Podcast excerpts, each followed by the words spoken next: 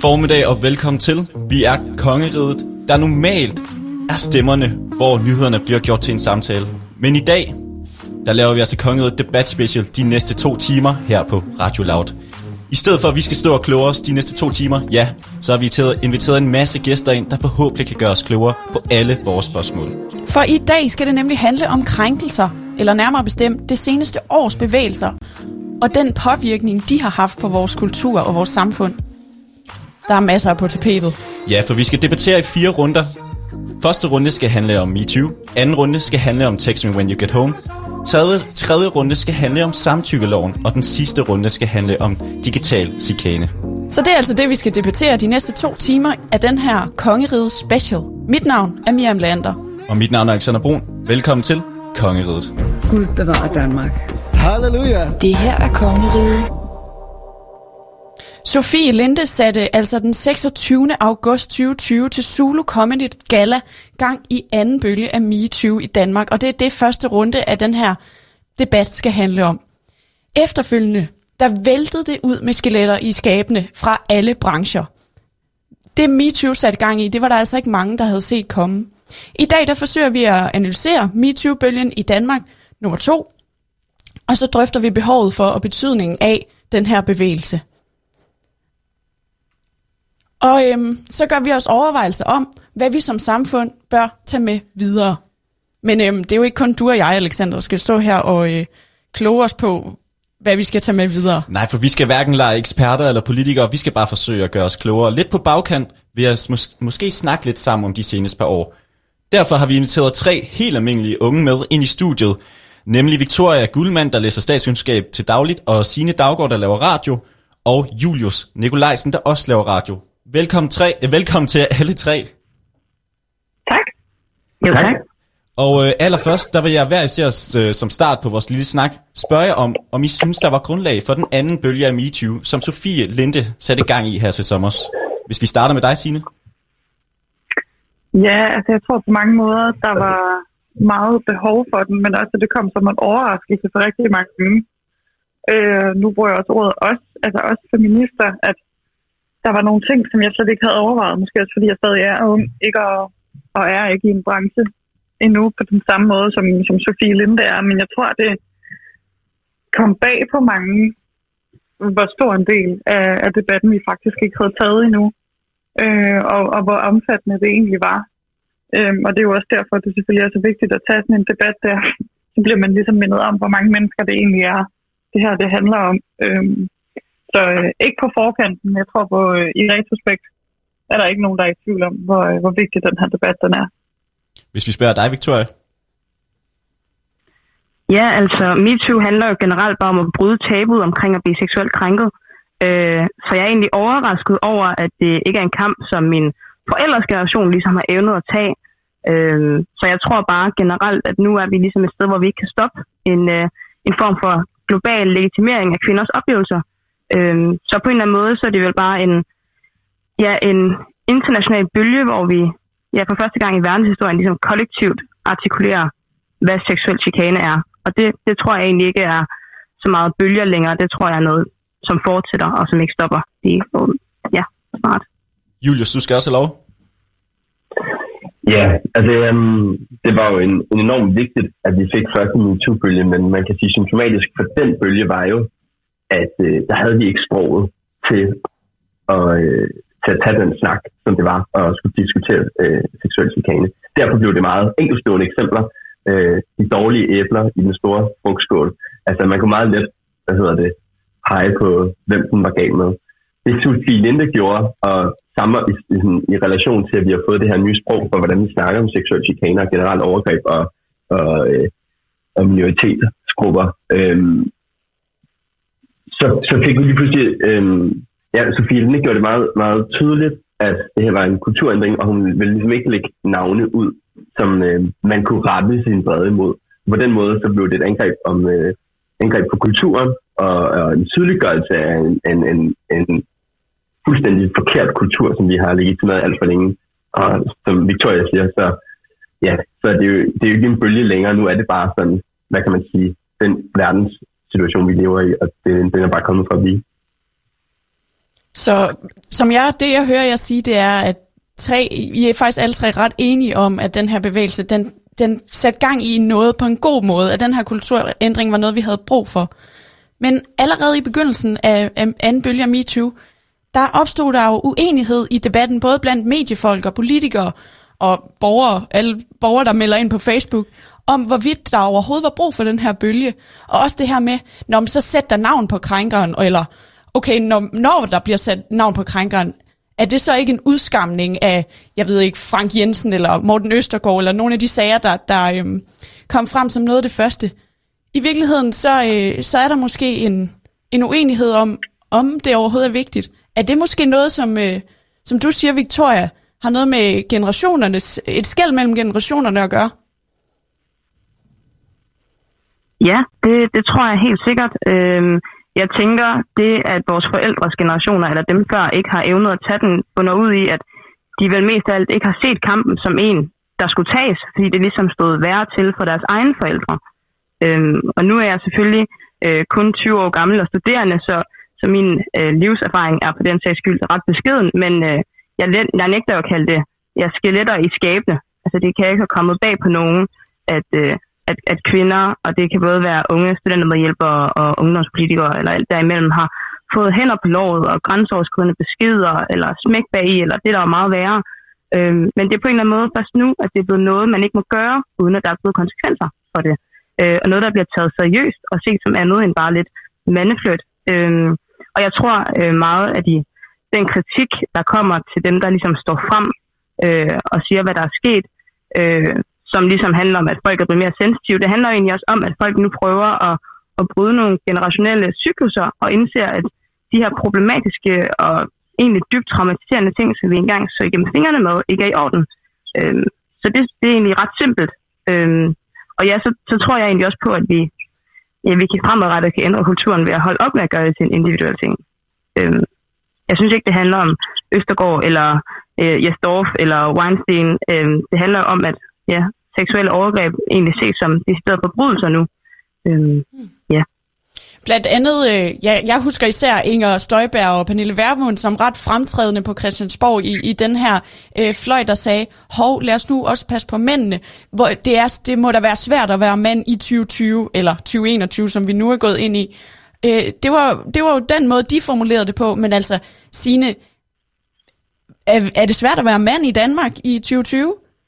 Selvom du ikke er mand selvfølgelig, Signe, men altså nu ja, kan du lige få lov. Jamen, det kan, det kan selvfølgelig lidt øh, svært at udtale decideret, om det er svært at være mand, men jeg har meget, meget, meget svært ved den vinkel. Øh, fordi, og jeg har faktisk taget den med rigtig mange af mine drengevenner, som, som også siger sådan, at, hvad med mig? Husk mig, jeg opfatter mig da pæn. Øh, og vi skal selvfølgelig også snakke lidt om Puk Elgård på et senere tidspunkt, men Oh, men altså, der er bare så mange sammenligninger til All Lives Matter versus Black Lives Matter. Så, forstår I, hvad jeg mener? Altså, der er ligesom en... Ja, det kan da godt være, at du måske også synes, det er lidt hårdt, men, men det handler ikke om dig. Øhm, og og det, jeg tror, det er så vigtigt at, at huske på, at det at sige, at kvinder har været udsat for alle de her ting, og ja, det er overvejende øh, det mandlige køn, som er jeg ved ikke, om jeg ved sådan skyld i det, men i hvert fald, der er jo noget systematisk her. Og det, og det er det, vi skal snakke om. Og som, der er ikke nogen, der siger, at fordi du er mand, så er du forfærdeligt menneske. Altså, der er aldrig nogensinde nogen, der har sagt. Mm. Øh, men så er der mange, der tolker det, øh, og føler sig meget ramt. Og hvis man føler sig ramt øh, af den her debat, så burde man det måske egentlig også.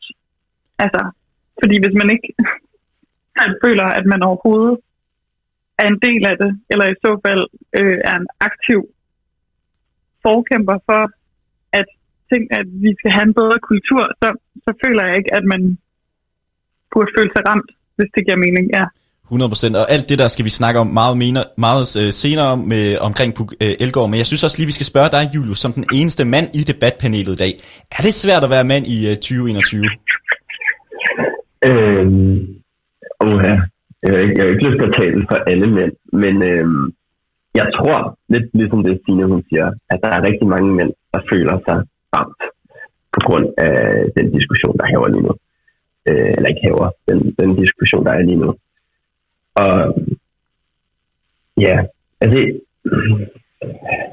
jeg, jeg tror, man skal passe på med at sige, at det er svært at være mand, fordi altså, det, der sker lige nu, det er, at mænd får, hvad hedder det, frataget ting, de her ligesom, øh, privilegier, de har haft tidligere. Ikke? Altså mænd har på en eller anden måde haft mere magt, end hvad, der, hvad har været godt.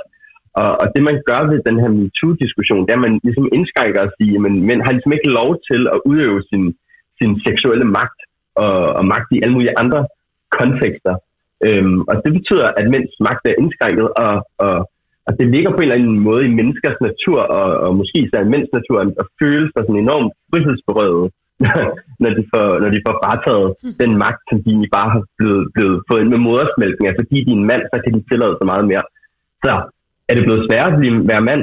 Ja, hvis udgangspunktet har været, at man har, at man har kunne gøre en masse ting, som har været grænseoverskridende for andre mennesker, og ligesom ikke, øh, at der ikke har nogen konsekvenser for det, og nu lige pludselig står til regnskab for det, ja, så er det blevet sværere, fordi vilkårene er blevet anderledes, men det er blevet mere færre, vil at sige, for alle parter. Så sådan, det, det, altså, jeg, synes, jeg synes, det er en god ting, at det er blevet sværere for mænd.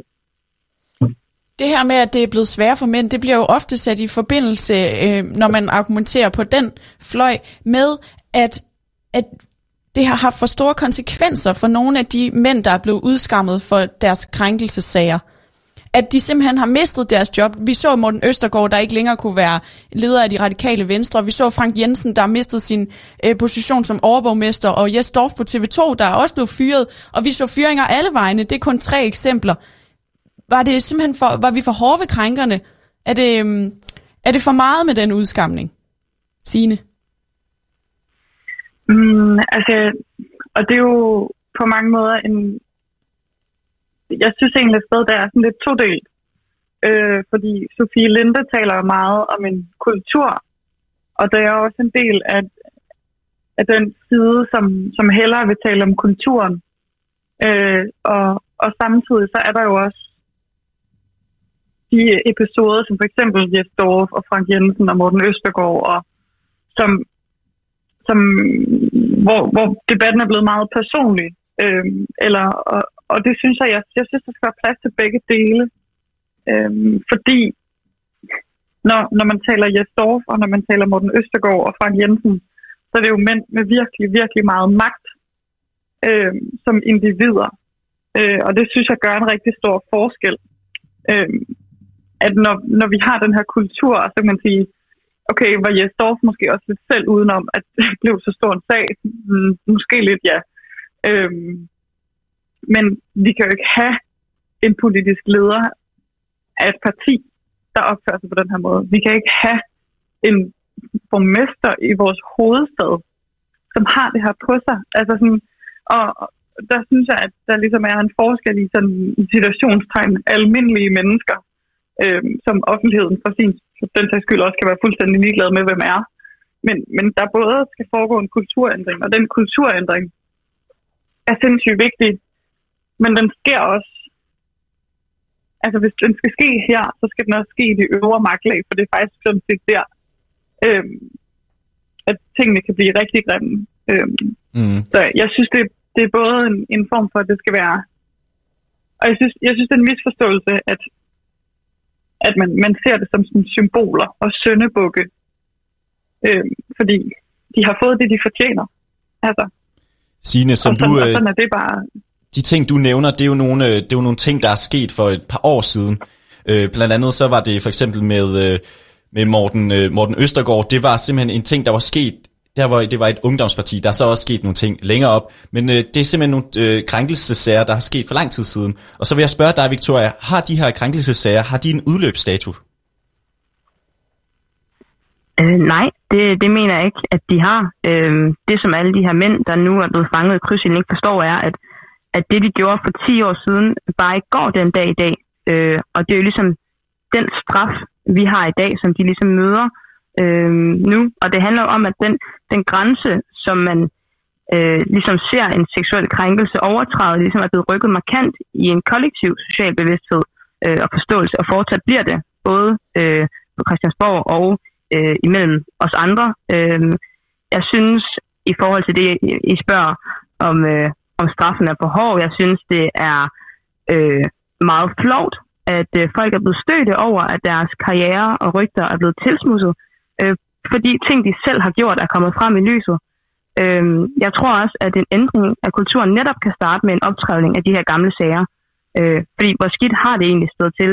Altså det startede jo med, nu snakker vi om Østergaards hånd på låret, som måske ligesom også har været mere end en hånd på låret, som måske også egentlig var kendt af andre, som måske egentlig også havde holdt hånden over de andre. Ikke? Altså, altså, hvor startede det henne, og, og hvor langt hvor langt kan vi gå tilbage? Altså, et seksuelt overgreb sidder jo offeret for evigt, så nej, jeg synes ikke, at det er, er, er voldsomt, at, at det rammer dem nu. Øhm, men det er jo klart, at de får en anden straf for det i, i 2021, end de havde gjort i, ja, for 10 år siden. Mm.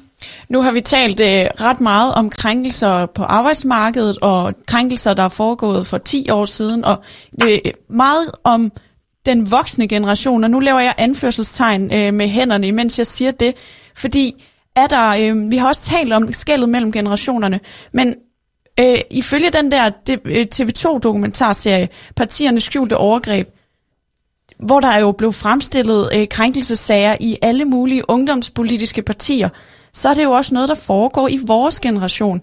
Det var altså både Liberale Alliance og Venstre og Socialdemokratiet og Alternativet, der, øh, der havde folk, der medvirkede i dokumentaren og, og kunne fortælle om, om krænkende adfærd, der gennemsyrer de her ungdomspartier. Og så er spørgsmålet, kan vi sige, at det er noget, der hører til de gamle, og igen der laver jeg anførselstegn, eller er det også noget, vi er blevet en del af den kultur? Er den også smittet, syret, øh, saltet hele vejen ned i vores øh, generation? Julius? Jamen altså unægteligt øh, eksisterer det jo, øh, og i bedste velgående i vores generation. Vi er jo født ind i, øh, ind i den, den, den voksne generations verden, og på den måde har vi jo lært rigtig meget af, hvordan de har struktureret deres samfund, og hvad der er legitimt, og hvad der ikke er legitimt. Ja, på de danske gymnasier, der hersker der jo nogle helt Øh, ikke fordi jeg har besøgt alle danske gymnasier, men, men, men jeg føler, at det er en meget gængs opfattelse at gymnasietiden, der hersker altså nogle rigtig, rigtig usunde miljøer, især når det kommer til seksuelle krænkelser, og hvordan man håndterer øh, køn, og hvordan man håndterer sådan nogle situationer. Og når det så kommer til ungdomspolitik, som den her dokumentar jo så tydeliggør, hvilken forfærdelig, forfærdelig kultur, der hersker der, så synes jeg mere, det er et udtryk for, hvad hedder det, øhm, vores politiske landskab lige nu. Altså sådan, jeg synes, man kan trække direkte paralleller mellem ungdomspolitik og, og hvad kan man sige, de hoveder, der så ruller med Frank Jensen og Morten Østergaard øh, Undsvejser. Altså, der er, vi, vi, vi, vi bliver nødt til at snakke om, eller der er selvfølgelig blevet rigtig snakket rigtig meget om, hvad, hvad er det for nogle mennesker, som indgår i ungdomspolitik, men mest af alt, hvad er det magt gør ved mennesker. Og man kan se allerede, altså sådan, det, det, jeg, jeg tænker, der må være en eller anden form for øh, urørlighedsfølelse, man ligesom opnår, man ligesom, når man ligesom kommer ind i magtens centrum. Og for mange unge, der kommer ind i ungdomspolitik, så føler de lige pludselig, at de har fundet et stærkt fællesskab, hvor at partiernes holdning og, og den, den, den politiske kamp ligesom er det aller, aller vigtigste. Og hvad man gør for ligesom at opnå den magt, den, øh, altså sådan, målet helliger på en eller anden måde midlet. Og det ved jeg godt, det er ikke noget, man direkte siger, men jeg tror lidt, at man bliver hjernevasket sådan en, øh, ikke hjerne, og nu bliver det meget, meget groft sagt, men, men jeg, jeg tror, at man, øh, man, man bliver lært, hvordan at man skal kæmpe for at få indflydelse, man skal kæmpe for at blive hørt, og man skal, blive kæmpe, man skal kæmpe for den politiske øh, agenda. Og jeg tror, det gennemsyrer også, hvordan man behandler andre mennesker, fordi man ligesom får den der smag af magt. Og det er jo også derfor, jeg synes, at MeToo er en, en, en enorm vigtig bølge, fordi det samtidig altså det rykker med de magtstrukturer og sådan den magtelite, som hersker lige nu. Og det går helt ned til ungdomspolitik. Giver det mening? Det bliver så meget vildt, Det gør det, Julius. Jeg har faktisk kommer jeg i tanke om, hvis jeg lige skal knytte en kommentar, inden jeg stiller næste spørgsmål til det, så har jeg læst uh, på et tidspunkt nogle studier omkring magt og hvad det gør psykologisk ved et menneske. Og uh, der sker uh, den mekanisme i hjernen, at du føler, at det som alle de love og og det, det, det, som alle andre mennesker, de skal overholde, det gælder ikke for dig, fordi det bliver du hævet over, altså i ekstremerne, men at magt laver den øh, mekanisme i din hjerne, at at du føler, at der simpelthen er andre spilleregler, der gælder dig. Så det, du siger, det giver virkelig god mening i forhold til de studier, øh, jeg havde læst der. Ja, altså sådan en, sådan en ungdomspolitiker, der får at vide af alle medierne, at han er den nye hotshot inden for partiets øh, grænser, øh, føler lige pludselig, at han kan tillade sig meget mere. Øh, nu siger jeg han, men, men det er jo bare sådan, det er. Altså, det, det gør et eller andet øh, meget negativt med mennesker at, øh, at få den magt på en eller anden måde. Julius, du nævner også øh, omkring gymnasierne, og nu kan vi også tage fat i de politiske ungdomspartier. Men hvordan skal vi ændre den her kultur? Og der spørger jeg ud til dig, Signe, først. Ja, altså i forhold til, hvordan man sådan aktivt gør noget. Ja, hvordan Ja. Kan vi, hvad kan vi gøre for, at det ikke ender med, at hele vores generation bare bærer det her videre? Jeg tror, det er rigtig, rigtig vigtigt at forstå, at ligesom Julius og Victoria snakker om, at det her er også noget, vi har vokset op med. Fuldstændig. Altså, de har jo bare givet det videre. Så, så hvis vi skal ændre noget, så skal vi aktivt sige fra og aktivt gøre noget andet, end det, der tidligere er blevet gjort. Det er ikke nok bare sådan at ikke at gøre noget. Øhm, og det, og det synes jeg stadig, vi, vi godt kunne trænge til at arbejde lidt på. Altså med sådan aktivt at sige fra øh, og, og arbejde imod det her. Øh, især kultur i, i ungdommen, altså på, på gymnasier og, og i ungdomspartier. Altså det, det er ikke nok bare at ligesom synes, man ikke tager del af det, men at man aktivt skal gå ind og arbejde imod det. Øhm, og det, det føler jeg sådan det er næste skridt, øhm, om, om vi skal indføre nogle fag i skolen, hvor det er sådan noget, man snakker om, altså om man skal indføre en eller anden form for ligestillingshistorie, eller hvad ved jeg, men at det er så sindssygt vigtigt, og at, at vi aktivt gør noget for det, for, øh, for at skabe en, en modkultur. Så, Og det er ikke bare nok at sige, mm, det gør vi ikke mere, det er fint. så hvis øh, vi, godt, vi kan samlet konstatere, at det både foregår i politiske partier, arbejdspladser, i foreninger, organisationer og alt muligt andet, som også vores generation er blevet en del af, trænger vi til en professionalisering? Er det det, der er vejen frem, Victoria?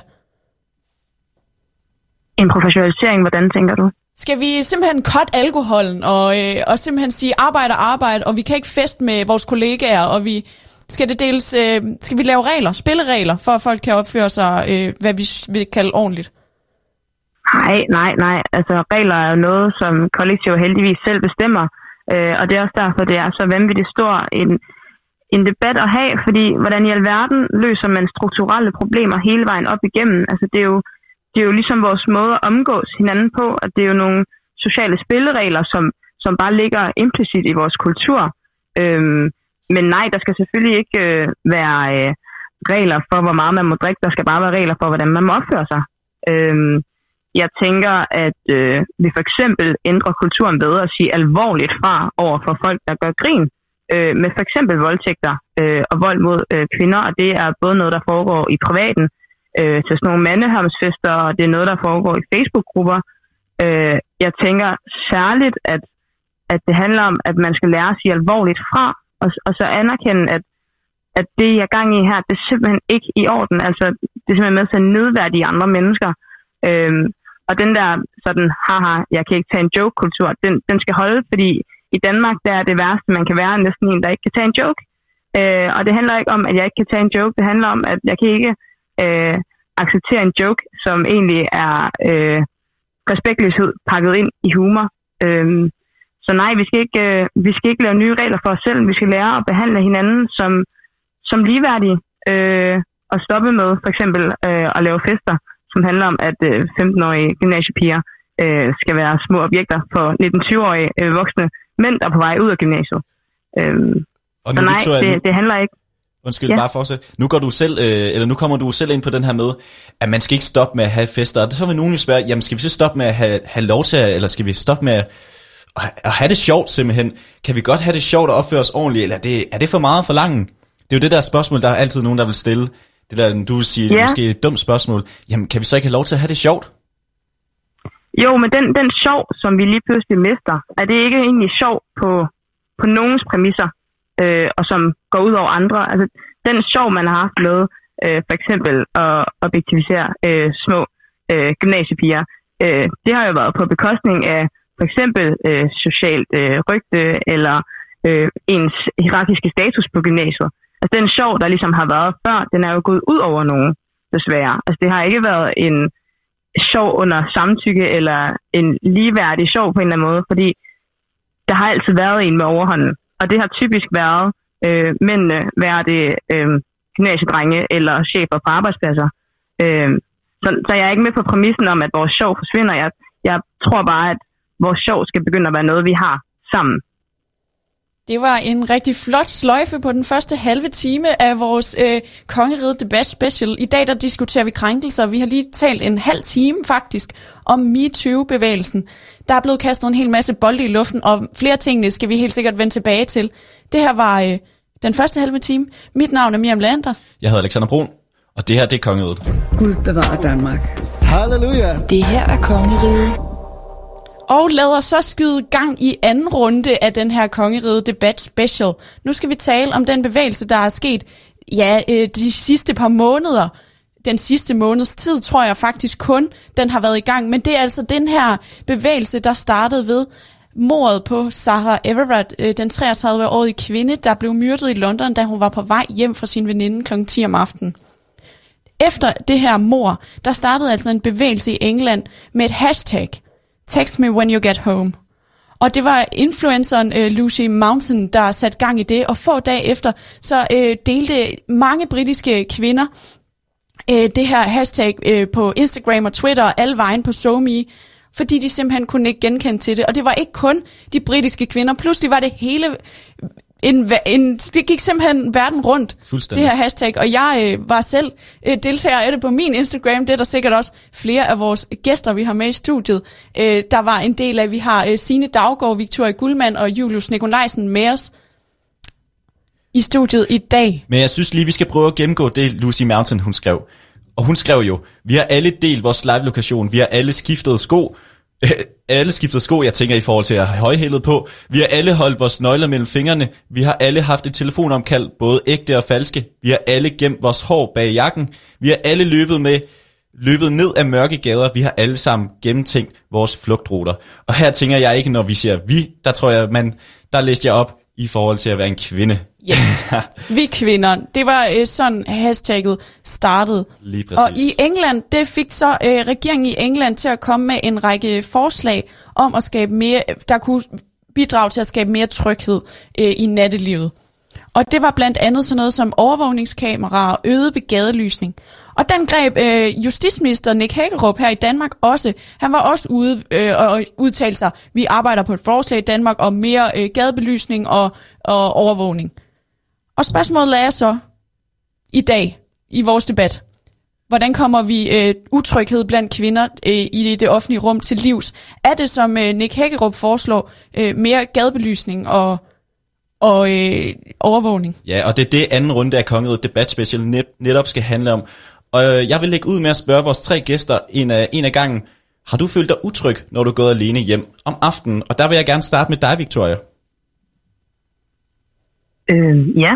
Øh, jeg tror, øh, mor på Sarah Everard har sat sig i øh, rigtig mange kvinder øh, på meget personlig plan. Øh, og i mig personligt, fordi efter hvad jeg forstår for andre, så er det jo netop, fordi hun har gjort det, vi alle gør. Hun havde talt i telefon med en kæreste på vej hjem en øh, helt almindelig aften, som vi alle gør, for at føle os trygge. Øh, det er så sygt, at det netop var en politimand, der angiveligt er gerningsmanden øh, bag hendes bortførelse og senere død.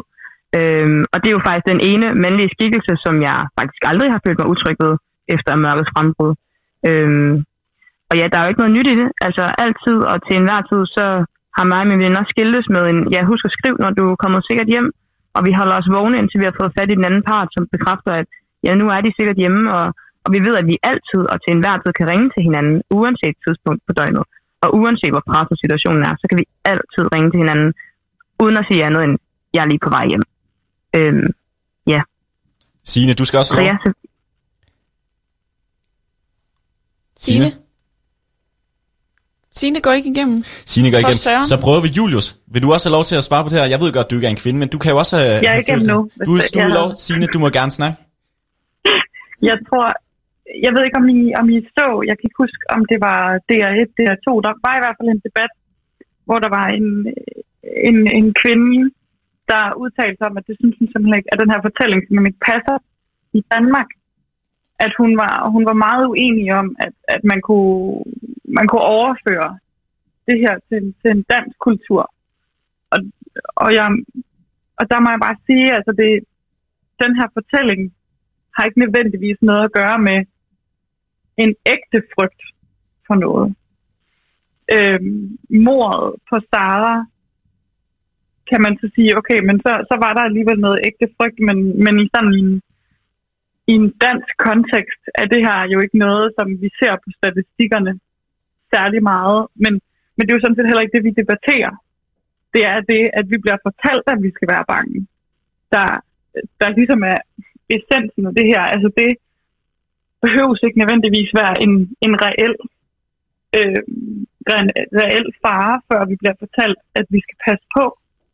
Øhm, og og det, det tror jeg ligesom er det, jeg synes, vi, vi bliver nødt til at tale om. At det, er jo fuldstændig, det har været tydeligvis været fuldstændig ligegyldigt, om det rent faktisk er noget, der sker, eller om det ikke er noget, der sker, fordi vi er blevet fortalt, at vi skal passe på alligevel. Øhm, og og det, det, det er ligesom det, jeg tror, vi, vi i hvert fald skal herhjemme skal snakke om. Så det her med, med mere overvågning, altså det på, på alle mulige planer, i alle mulige debatter, synes jeg, det er den absolut dårligste løsning på noget som helst. Øhm, og, og hvordan man finder en løsning på det her, for det ved, det ved jeg sgu ikke. For jeg tror, at de mennesker, der udsætter kvinder for de her ting om, om natten, ikke nødvendigvis er særlig modtagelige over for en, for en offentlig debat. Så jeg ved sgu ikke, hvad svaret er, men, øhm, men jeg synes, det er, en, det er en vigtig pointe i forhold til det her med, at det ikke nødvendigvis behøver at bunde i en, i en sådan berettiget frygt for, at noget sker. Mm. Julius, jeg skulle til at stille dig det samme spørgsmål. Jeg vil egentlig lave det lidt om. Blev du overrasket over, at mange kvinder, kvinder gik rundt med den her frygt om at gå hjem alene? Øhm, nej, overhovedet ikke. Altså, det, det har man jo altid ligesom fået at vide, at det, at, at, eller sådan, det, er jo, det er jo bare den gængse fortælling, at, at kvinder skal være mere bange for at gå hjem fra byen, fordi at altså, i nattens gry, så, så, så hersker der bare noget ondskab, som, som vil kvinder det, kvinder det ondt. Altså, sådan, det er jo, ja, så det, på den måde er det ikke en overraskelse. Øhm, altså, jeg kan da godt blive overrasket over, sådan, hvor systematisk man har, man har altså, hvordan man har nøglerne mellem fingrene, og man har telefonopkaldet klar. Altså, man er bare sådan, at man er så på forkant med alle mulige ting for at skabe tryghed for sig selv. Øh, hvilket jo bare er jo fantastisk på en måde, man kan, man kan skabe det, men nej, ikke fantastisk. Men, men, men nej, jeg var ikke, jeg var ikke overrasket. Øh. Det her hashtag takes me when you get home, det indikerer jo netop den her besked, som vi sender, vi kvinder til hinanden, til vores veninder, om skriv lige, øh, nu er jeg hjemme, og vi siger det til hinanden, inden vi går ud af døren, skriv lige, når du er hjemme. Og det er jo en besked, jeg sådan personligt altid har øh, bedt veninder om at sende, og jeg er også blevet bedt om det fra kærester, og især mine forældre, ikke mindst. Og en forældre og politikerperson, der var ude og tage del i den her debat, det var Jakob Ellemann. Han lavede simpelthen et opslag på Instagram, hvor han delte en, en, et billede af en besked, øh, hvor der stod, skriv lige, når du er hjemme, KH far. Og til det her opslag, der skriver han, der er en ting i livet, jeg som mand ikke for alvor var opmærksom på, før jeg fik en datter. Det var den frygt, jeg ikke havde mærket på egen krop, før at hun blev teenager og begyndte at færdes på egen hånd. Og den kom til gengæld med fuld kraft. Simpelthen den der frygt for, at hun skulle møde en øh, voldtægtsforbryder. Nu springer jeg lidt i hans opslag. Til sidst så skrev han, og nej, selvfølgelig er det ikke alle mænd, der skaber utryghed. Men det er alle kvinder, der kender til den. Det skal vi have sat en stopper for. Del gerne budskabet, hashtag take me when you get home. Text me when you get home. Ja, og det her med, at alle mænd, som øh, Ellermann han siger, det er ikke alle mænd, der er det, øh, som Ellermann tager fat i til sidst, det er jo netop det, der har fyldt meget af debatten. Puk Elgård, hun lavede et opslag, hvor hun skrev, at vi skal huske at hylde de mænd, der ikke krænker. Og jeg læser lige op det, Puk Elgård hun skrev, selvom det ikke er så meget værd, så synes jeg godt, vi lige kan læse det op. Hun skriver, jeg synes det er på tide, at vi hæpper på de gode mænd, de mænd, der aldrig danser alt for tæt eller er grænseoverskridende og dominerende. De mænd, der er vores fortrolige, og de mænd, der skaber en god stemning på vores arbejdspladser. De mænd, der passer på os i nattelivet, i hverdagen og i hjemmet, og spørger, om vi er okay, og giver tryghed og god energi. De mænd findes, og dem må vi ikke klemme. Tak for jer. Hvad mener I om det her budskab, Puk Elgård, hun kommer med? Der vil jeg gerne spørge dig, øh, Victoria, først. Øhm, jeg er personligt meget stor fan af Puk Elgård, øhm, men jeg blev faktisk ret skuffet, for det er meget letkøbte point. Øh, vi skal simpelthen holde op med at takke mænd for at gøre absolut minimum. Øh, det er ikke en, øh, en heldedyd øh, ikke at diskriminere mig, eller ikke at over, øh, begå overgreb på mig. Øh, til gengæld synes jeg, at vi bør bede alle mænd øh, stille spørgsmålstegn ved, hvad de selv gør for at fordre antidiskrimination. Altså de her øh, såkaldt øh, rigtig gode mænd. Øh, jamen, altså vi ved jo, vi ved jo, at det ikke handler om alle mænd, og det, det er der simpelthen aldrig nogensinde blevet sagt, og det, ligesom at det ikke handler om Sarah Everard som individ, det handler om, at, at vi ligesom alle sammen er Sarah Everard, og det er det, vreden består i, og det er derfor, den har taget så godt fat i os. Øhm, fordi på tværs af landegrænser og ja, socioøkonomiske barriere osv., så, så føler kvinder, at, at de kender hende helt uden at have gjort det, og det kunne have været os, og det kunne have været vores veninde og vores mor, og, og det er jo derfor, det er så groft, at, at, at at samtalen ligesom bliver drejet over på ligesom at, at klappe øh, de gode mænd på ryggen. Øhm, fordi hvad gør de her gode mænd egentlig for at komme den her kultur til livs, hvis de synes, det er så hæstigt, det der foregår? Hvad, hvad gør de så egentlig selv for at, at gå imod den? Altså at være anti-voldtægtskultur? Øhm, og lige for at en kommentar til det med, om, om det er en historie, vi ligesom selv opdægter øh, som kvinder, så ved vi faktisk godt, at det oftest er unge kvinder, øh, der bliver overfaldt. Øh, Øh, I statistikkerne ser vi, at i Danmark forholder det sig sådan, at 58 procent af kvinder, der bliver voldtaget eller forsøgt voldtaget, er under 24 år. Så det er noget, vi ser i øh, empirien, at det er os, der er udsatte. Øh, og vi ved for eksempel, nu når vi snakker om at holde øje med hinanden efter en bytur eller følges hjem, så ved vi, at det er fordi vores bedste mulighed for at beskytte os selv er ved at være en flok. Øh, Øh, og i Danmark ved vi, at mindst hver tredje offer i gerningssituationen øh, faktisk var påvirket af alkohol. Så det er tal, der taler for sig selv, og ikke historier, vi blot fortæller hinanden. Øh, så jeg kan blive meget bekymret over, at samtalen bliver draget hen på at, at passe på nogen mænds ja, øh, ego, for at sige, sætte det lidt på spidsen, frem for ligesom at i tale sætte de her statistikker, og det er et reelt problem. Øh, ja, så desværre lidt let købte point fra Puk Elgård, må jeg indrømme. Signe, du skal også have lov. Var det her en afsporing af debatten? Det Puk Elgård kom med? Går Signe igennem? Signe Daggaard? Signe Daggaard. Ellers så prøver vi Julius, du skal... Ja, Nå, Signe, nu går, nu? nu går ja, Signe igen. lidt forsinkelse på, men der er hun. Igen. Signe, var det her en Øhm, afsporing af debatten? På, på rigtig mange måder, så var det her altså simpelthen den, så sådan en stor afsporing af debatten. Og jeg blev faktisk virkelig, virkelig provokeret af det. Øhm, fordi at det, det er som om, der, det er sådan en komplet misforståelse af det hele. Altså, jeg synes, der er mange sider i det, som jeg bliver virkelig provokeret af det. Af, men det, det første er ligesom, at det handler om en kulturændring. Det handler ikke om enkelte mennesker. Det handler også om alle sammen. Altså, du kan ikke, det, det er ikke noget, du ikke kan tage stilling til. Øhm, og alle skal overveje deres handlinger og deres tankemønstre. Altså, og det, jo, det handler jo om, at, at vi er vokset op i en, i en kultur, og hvis du vil gøre noget ved den, så bliver du aktivt nødt til at gøre det modsatte.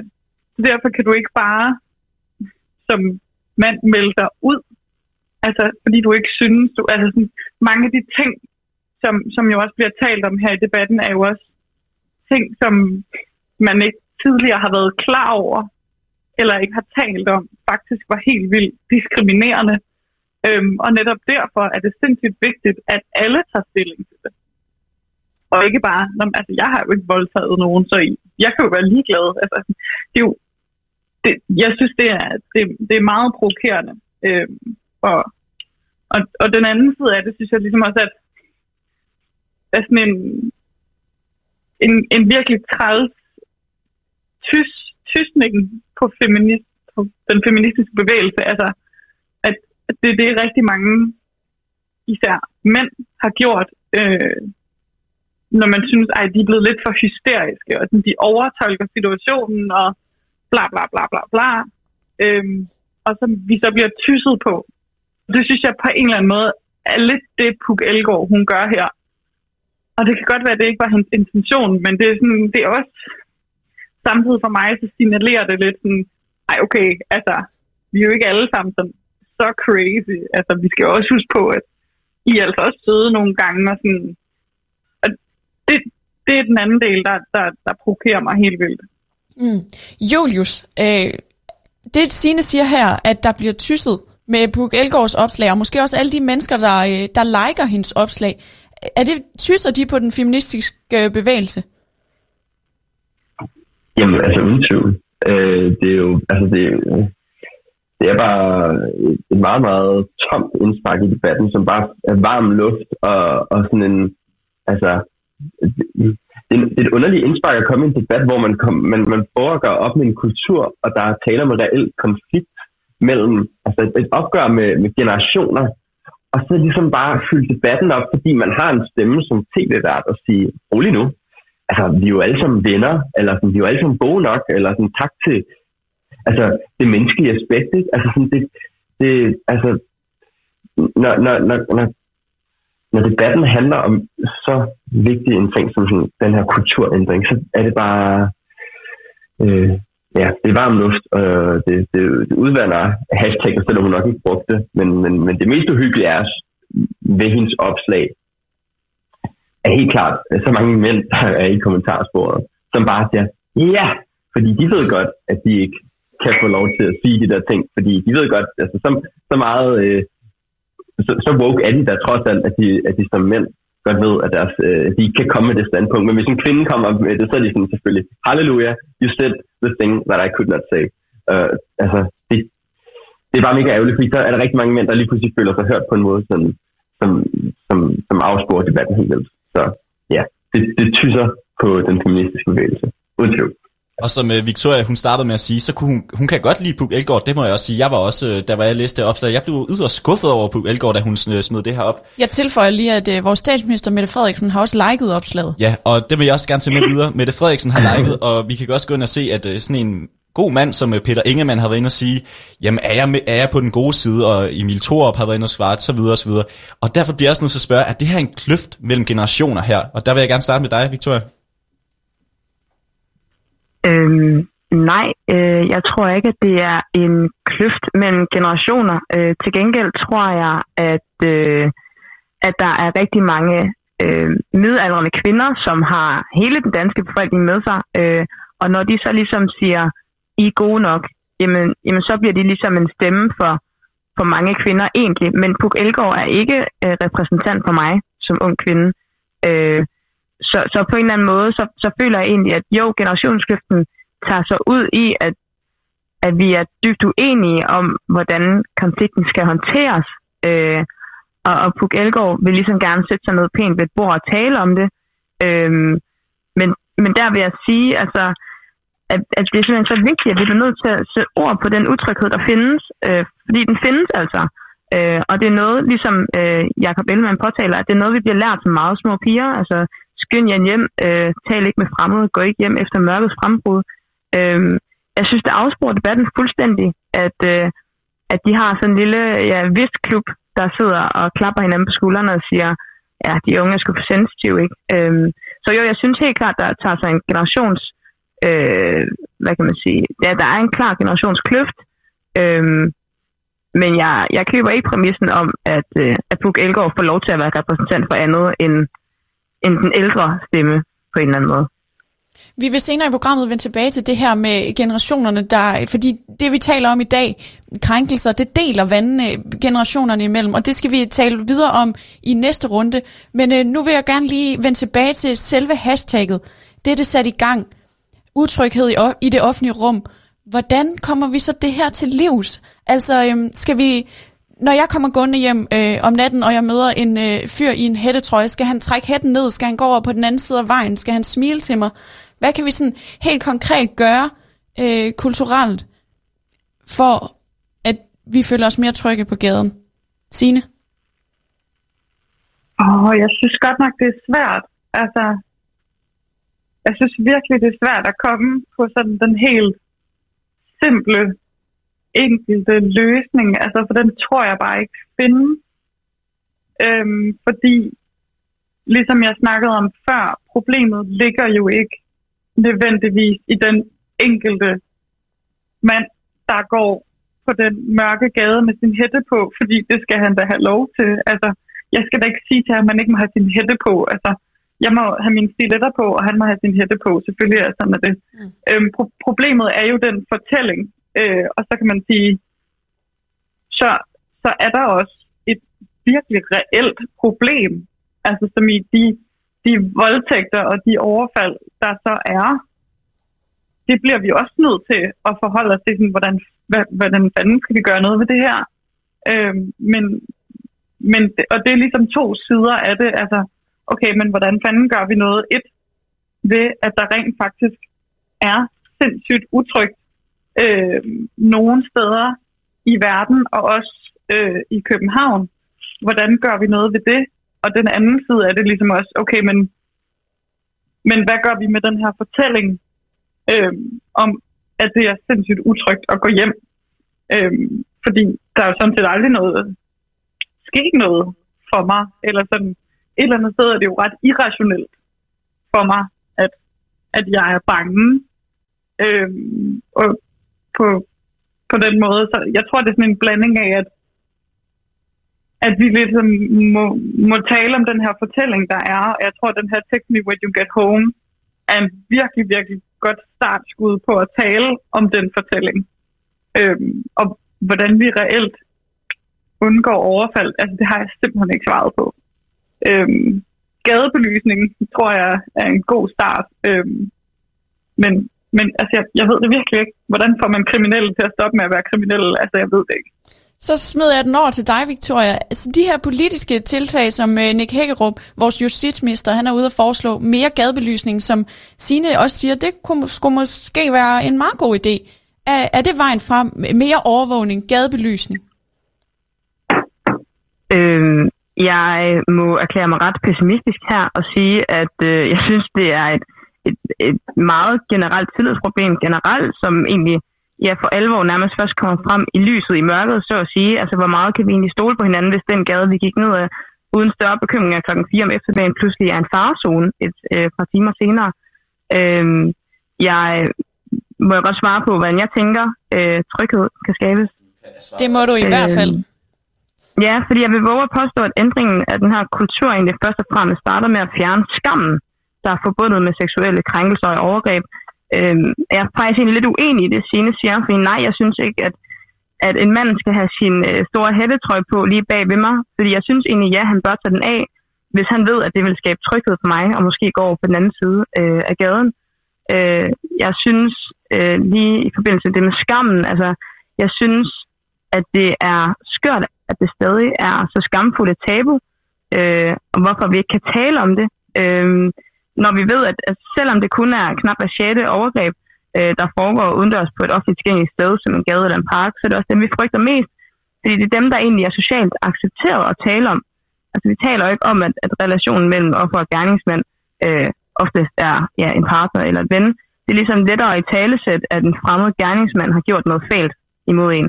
Og der bliver ligesom ikke på samme måde i debatten sat spørgsmålstegn ved det, som hvis man indrømmer, at det måske har været en ven, øh, der har forgrebet sig på en.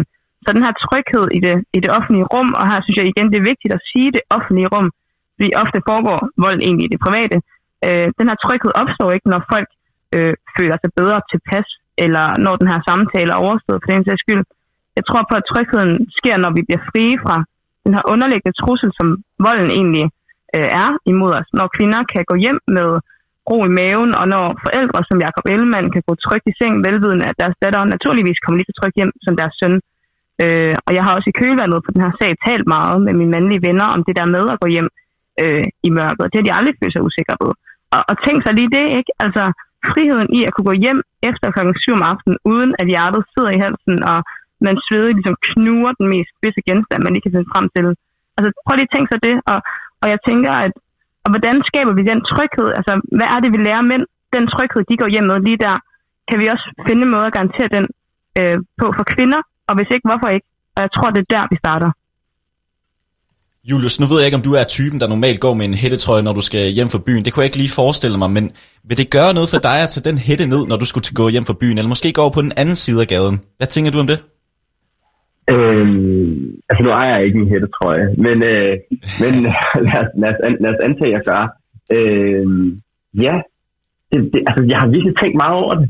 Øhm, altså hvis, hvis, hvis, hvis det er det, der kan gøre, at, øh, at, at, at kvinder føler sig mere trygge i det offentlige rum om natten, at, at det kræver, at jeg sidder hætten, og jeg går på den anden side af, af, af vejen, så vil jeg, altså, så vil jeg så vil jeg gøre det. Altså sådan helt klart, det, det, hvis, jeg, hvis jeg kunne skabe tryghed, og, og at det, altså sådan, jeg føler ikke, jeg, jeg, jeg mister nogle rettigheder ved at føle mig tvunget til det. Altså jeg er måske mere imod, hvis det bliver sådan decideret en lov, at man ikke må bære en hættetrøje på visse tidspunkter af døgnet, så begynder det at minde om et burkaforbud. Og, øh, men, men sådan rent, hvis vi kan skabe en kultur om, at det er sådan, man gør, at det er sådan, det er legitimt at gøre, at man, at man, man har, om, om det så går over på en anden side af gaden, eller fjerne hættetrøjen, eller fjerne øh, hætten.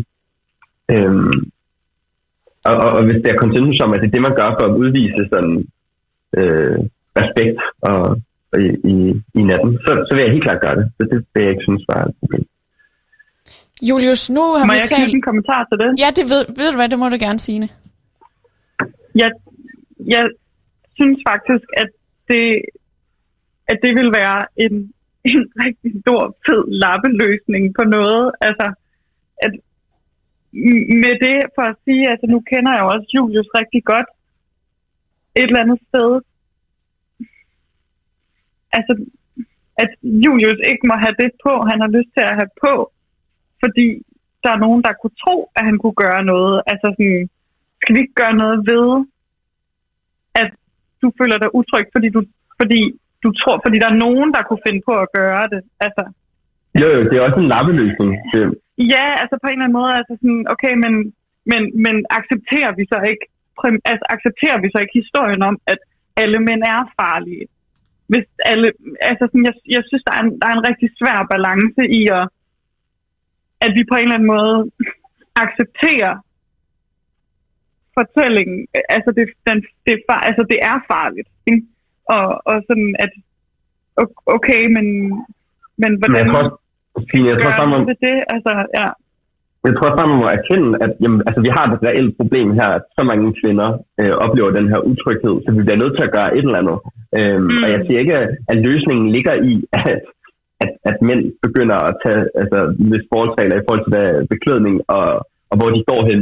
Men, men, men som start på den her samtale, og hvordan vi ligesom forventer en kultur, så synes jeg, det er, det er et færdigt skridt at tage i den retning. Øh, selvom det er en lappeløsning, selvom det altså på en eller anden måde er sådan en skævvridning af, hvad vi ser som frihedsidealerne i, i, det danske Danmark, øh, så, så, så kan det være det rigtige at gøre. Men jeg tror, den reelle løsning, eller ikke en reelle løsning, men et, et proaktivt løsningsmulighed kunne være, og, og, og altså det handler om opdragelse af især mænd.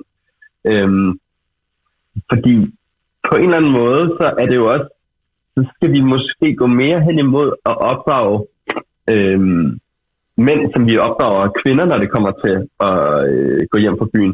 Ikke, måske ikke så frygtbaseret, hvis man har haft tendens til det, men mere med det der med, at man skal være, give dem nogle værktøjer til, hvordan man kan håndtere utryghed, hvis den skulle komme, og, og hvordan man skaber fællesskab, og hvordan man hjælper hinanden. Julius, Jeg jeg, bliver nødt til at stoppe dig. Jeg bliver nødt til at stoppe dig nu, fordi det er simpelthen blevet tid til Radio Loud nyheder. Hej, hvor ærgerligt. Ja, og i næste runde, der, Ej, det, det kan være, vi tager det med videre, men i næste runde, der skal vi uh, snakke lidt mere om noget til samtykkelov, men nu er det altså blevet tid til Loud nyhederne, og uh, klokken den er ved at være 11.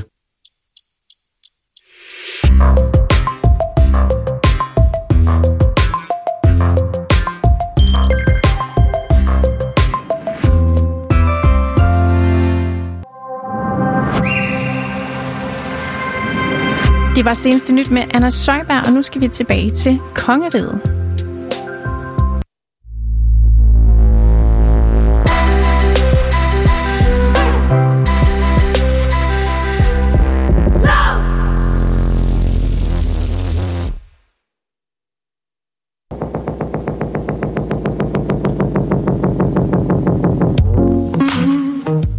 Ja, velkommen tilbage til Kongerigets debatspecial her på en højhellig lang fredag. Vi skal til at gå i gang med anden, undskyld, tredje runde af vores store special omkring krænkelser. Fordi i sidste runde, der debatterede vi om bevægelsen bag MeToo og øh, hashtagget text me, text me when you get home. Men nu dykker vi altså ned i det, som frygten bunder i. Vi skal tale om overfald og voldtægt, for i stedet, at vi skal stå og kloge os de næste time tilbage, ja, så har vi inviteret en tre debattører med her på telefonen. Vi har Victoria Guldmann, der læser stats- statskundskab til dagligt, og så har vi Signe Daggaard, der laver nattely, og det samme med Julius Nikolajsen, der også laver nattely. Og øh, Miriam, Jamen, øh, til sammen der udgør vi fem personer jo en lille, et lille debatpanel, og øh, vi har sige. lige været varmet op den sidste time, så vi er rigtig klar til at lade bølgerne gå højt nu, hvor vi skal tale om krænkelser, ligestilling og utryghed og overgreb. Her i tredje runde af vores debat, der zoomer vi ind på den samtykkelov, der blev indført i Danmark i 2020. klokken er nu lidt over 11. Mit navn er Alexander Brun, og overfor mig der står Miriam Lander, og du lytter til Kongerigets debatspecial. Gud bevarer Danmark. Halleluja. Det her er kongeriget. Ja, fra årsskiftet, der er der altså trådt en ny lov i kraft, og det er øh, den, den lov, vi kender som samtykkeloven. Den gamle lov, vi havde på voldtægtsområdet, den var karakteriseret ved, at øh, hvis gerningsmanden havde brugt vold eller trusler, ja, så kunne offeret altså øh, vinde sagen, og så kunne det blive øh, dømt som en voldtægt. Men øh, offeret skulle have nu er det altså sådan med den nye lov, at offeret skal sige aktivt fra, og hvis øh, offeret gør det, og øh, gerningsmanden alligevel går over grænsen, så er det en voldtægt. Så er det en voldtægt. Ja. Den så er lidt indviklet jo selv. Den er kan vi lidt indviklet, men øh, jeg, jeg tror, vi er med. Om øh, den nye øh, samtykkelov, der siger vores justitsminister Nick Hækkerup Ja, hvad siger Nicken? sådan her. Det er en banebrydende dag for ligestilling i Danmark. Det var altså, da vi fik den vedtaget. Ja, ja. Han sagde det her. Nu har vi fået en ny samtykkelov. Nu bliver det klart, at hvis ikke begge parter samtykker til sex, så er det voldtægt. Vi skal, der er samtykker lige blevet et, øh, et verbum. Vi skal have ændret samfundets forståelse af, hvad voldtægt er, og en ny samtykkebaseret voldtægtsbestemmelse er, i, er en minepæl i den indsats. Vi lancerer også en række nye initiativer, der skal forebygge voldtægt og give voldtægtsoffre bedre forhold i vores retssystem. Ja, og vi har jo som sagt tre gæster med i dag, og det er vi sindssygt glade for, for så har vi lidt nogen at snakke med. Og vi har som sagt Victoria Guldmann med, Sine Daggaard, Julius Nikolajsen. Og øh, til at starte med, der vil jeg gerne spørge dig, Victoria Guldmann. Hvordan er samtykkeloven et skridt for ligestilling? Øhm, jeg tror, det vigtigste samtykkeloven gjorde i sin optakt, for jeg synes også, optakten øh, faktisk egentlig var rigtig vigtig, øh, det var at skabe debatten. Altså netop at åbne et rum for, at vi kan tale om det store forbudte V-ord. Øh, for hvad er en voldtægt? Øh, en voldtægt er nemlig ikke kun de der helt drabelige af slagsen, øh, hvor der er ja, voldelige og fremmede. Det er faktisk noget, der ofte sker i private hjem øh, mellem folk, der elsker hinanden. Øh, så jeg tror helt sikkert, at, at for ligestillingen har det gjort, at, at, en, at man ligesom nu har ret til at i talesæt, at det, du gjorde mod mig, selvom du elskede mig, det var faktisk en, en voldtægt. Og det er jo et i høj grad strukturelt problem. Det er hver tiende dansker, der har været udsat for en situation, hvor I de blev forsøgt voldtaget eller udsat for en fuldbyrdet voldtægt. Øhm, ja, så det er jo ikke kun et kvindeproblem, øhm, fordi det er både mænd og kvinder, men måske er det netop fordi, at det er ligesom dobbelt tabubelagt, at mænd også bliver udsat for seksuelle overgreb, at det primært er mænd, vi så ligesom hører de her kritikker fra, øh, øh, hvor man ikke øh, bolde sin kone længere. Øh, men samtykkeloven betyder for mine medkvinder, veninder og jeg, at, at nogle af de oplevelser, som vi har haft og kunne have frem, fremadrettet, måske pludselig er mere legitime, både øh, i en social kontekst, men også i lovens øjne. Der er jo mange, der, der påstår, at den her øh, nye lovgivning i virkeligheden ikke kommer til at rykke noget, i og med, at det alligevel vil være juridisk problematisk at, at dømme voldtægter.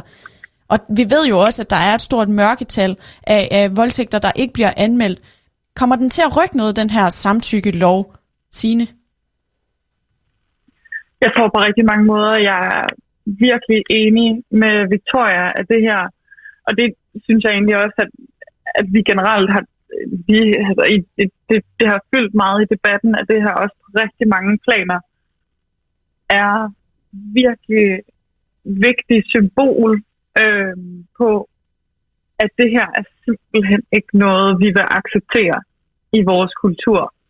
Og ja, det er bøvlet juridisk. Det giver jo sig selv, altså i forhold til, hvordan loven er, er lavet. Altså, men, og, men i mine øjne, at kan det, kan det virkelig stærke symbol måske faktisk egentlig rykke mere, øh, end, end man måske lige vil tro, altså at den her lovgivning for os virkelig sætter en stopper for også det, at det er en lovgivning. Det er juridisk, at vi i Danmark beslutter, at det her vil vi simpelthen ikke have i vores, det er ulovligt. Altså, det, det tror jeg og håber virkelig, og allerede kan mærke, gør en kæmpe stor forskel.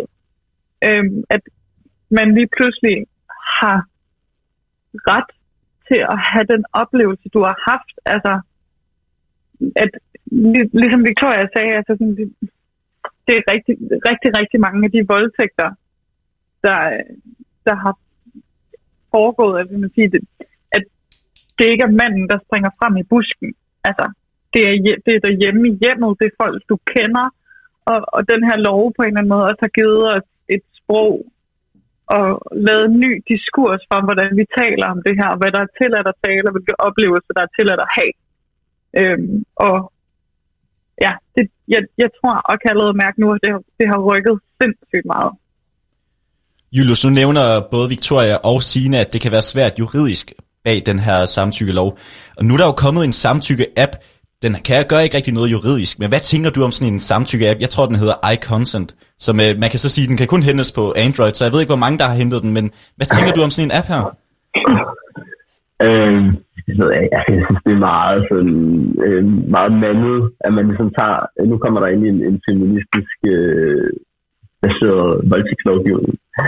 Og så er der rigtig, så er der nogle mænd, der lige pludselig, så forstår de ikke, hvad, øh, hvad consent er, og så tænker de, men det, det er der sikkert heller ikke andre mænd, der gør. Nu laver vi en app. Øhm, altså, det, det virker meget forvirret, og det virker, altså, at, at, altså det rykker jo ikke, det rykker ikke på noget som helst. Altså, sådan, det, er jo ikke, det er jo ikke derfor, man har lavet lovgivning, og man, man har, mangler jo heller ikke appen. Altså, sådan, der er jo, det, det er jo også en god ting på en eller anden måde, at det er, at, at der, der er en uklar juridisk øh, del af den her lov på en eller anden måde, fordi det netop er en, altså der er jo noget en symbolpolitik på en eller anden måde. Og jeg tror, det den gør, det er, at den ændrer på kulturen. Der, altså, vi behøver ikke en app for, øh, for at implementere den her i virkeligheden. Altså, sådan det, altså, den, også, det er jo noget rodet noget, det der med, at man sådan skal sende det for inden, og så gælder det 24 timer frem, men man på alle tidspunkter kan man fra, frasige den. Altså, sådan, altså sådan, den, den gælder lige så meget som, sådan, som det sagte ord i sådan, den juridiske forstand, så det virker bare underligt, og øh, øh, ja, jeg ved ikke, man håbede, at man kunne få nogle stats øh, kroner, eller statskroner til at støtte projektet, og så på en eller anden måde øh, tjene penge på det. Igen, meget, meget kapitalistisk øh, mandet på en eller anden måde. Så vil jeg også Så godt... nej, ikke, Du skal bare fortsætte, Julius. ikke da, ja, men jeg vil bare, jeg vil bare lige øh, opsummere, jeg, jeg, den der app, den, øh, den har jeg ikke noget til års for. Jeg har heller ikke Android, så Du har, Julius har hverken Android eller noget til års for samtykke-appen, men har du noget til års for samtykkeloven? Hvad mener du om, øh, om den nye samtykkelov, Julius? Jamen, jeg synes, det er rigtig, rigtig... øh, Altså, det er jo bare tiltrængt. Altså, det er jo, det er jo sådan, man skal vurdere voldtægt, øh, som den bliver vurderet nu. Øhm, og jeg synes, og jeg, lidt som jeg sagde før, altså, jeg synes, der, der er faktisk noget godt i, at den er sådan lidt fluffy juridisk, at, man, at det kan være svært at bestemme, når, hvornår blev der sagt ja, og hvornår blev der sagt nej, fordi det er jo bare øh, over øh, samtale, eller altså over, over lyde, man kunne lave i en eventuel seksuel øh, situation, øh, som kan sige samtykket. Men, men, det, men det gode ved det fluffy er jo netop, at, at, det, at det er jo noget, der sætter sig i, hvad hedder det, de uh, quote unquote mænd, der, der begår de her overgreb. Ikke? Altså hvis vi nu, altså, hvis vi ans, eller, det er jo netop ikke manden i busken, det er jo ikke den her, den her mand, der er det onde onde, som altid begår øh, voldtægten. Det er jo øh, vennerelationerne og, og, og, og dem, der måske også kan kalde sig gode mænd, med, med den her samtykkelov, så, så, så kan jeg øh, unægteligt tro, at den, eller unægteligt ikke tro, at, at det ikke sidder i baghovedet på, øh, på de her krænker. Altså, at man lige i, i, i en situation af venskabelig sjov eller et eller andet, øh, kunne, altså, der, der, der begynder det at genover, folk genoverveje det, fordi de ved, det er faktisk en reel lovgivning, og så stopper man på den måde. Og det er jo ikke fordi, at man er bange for konsekvenserne, men det er fordi, man ved, at det er ulovligt.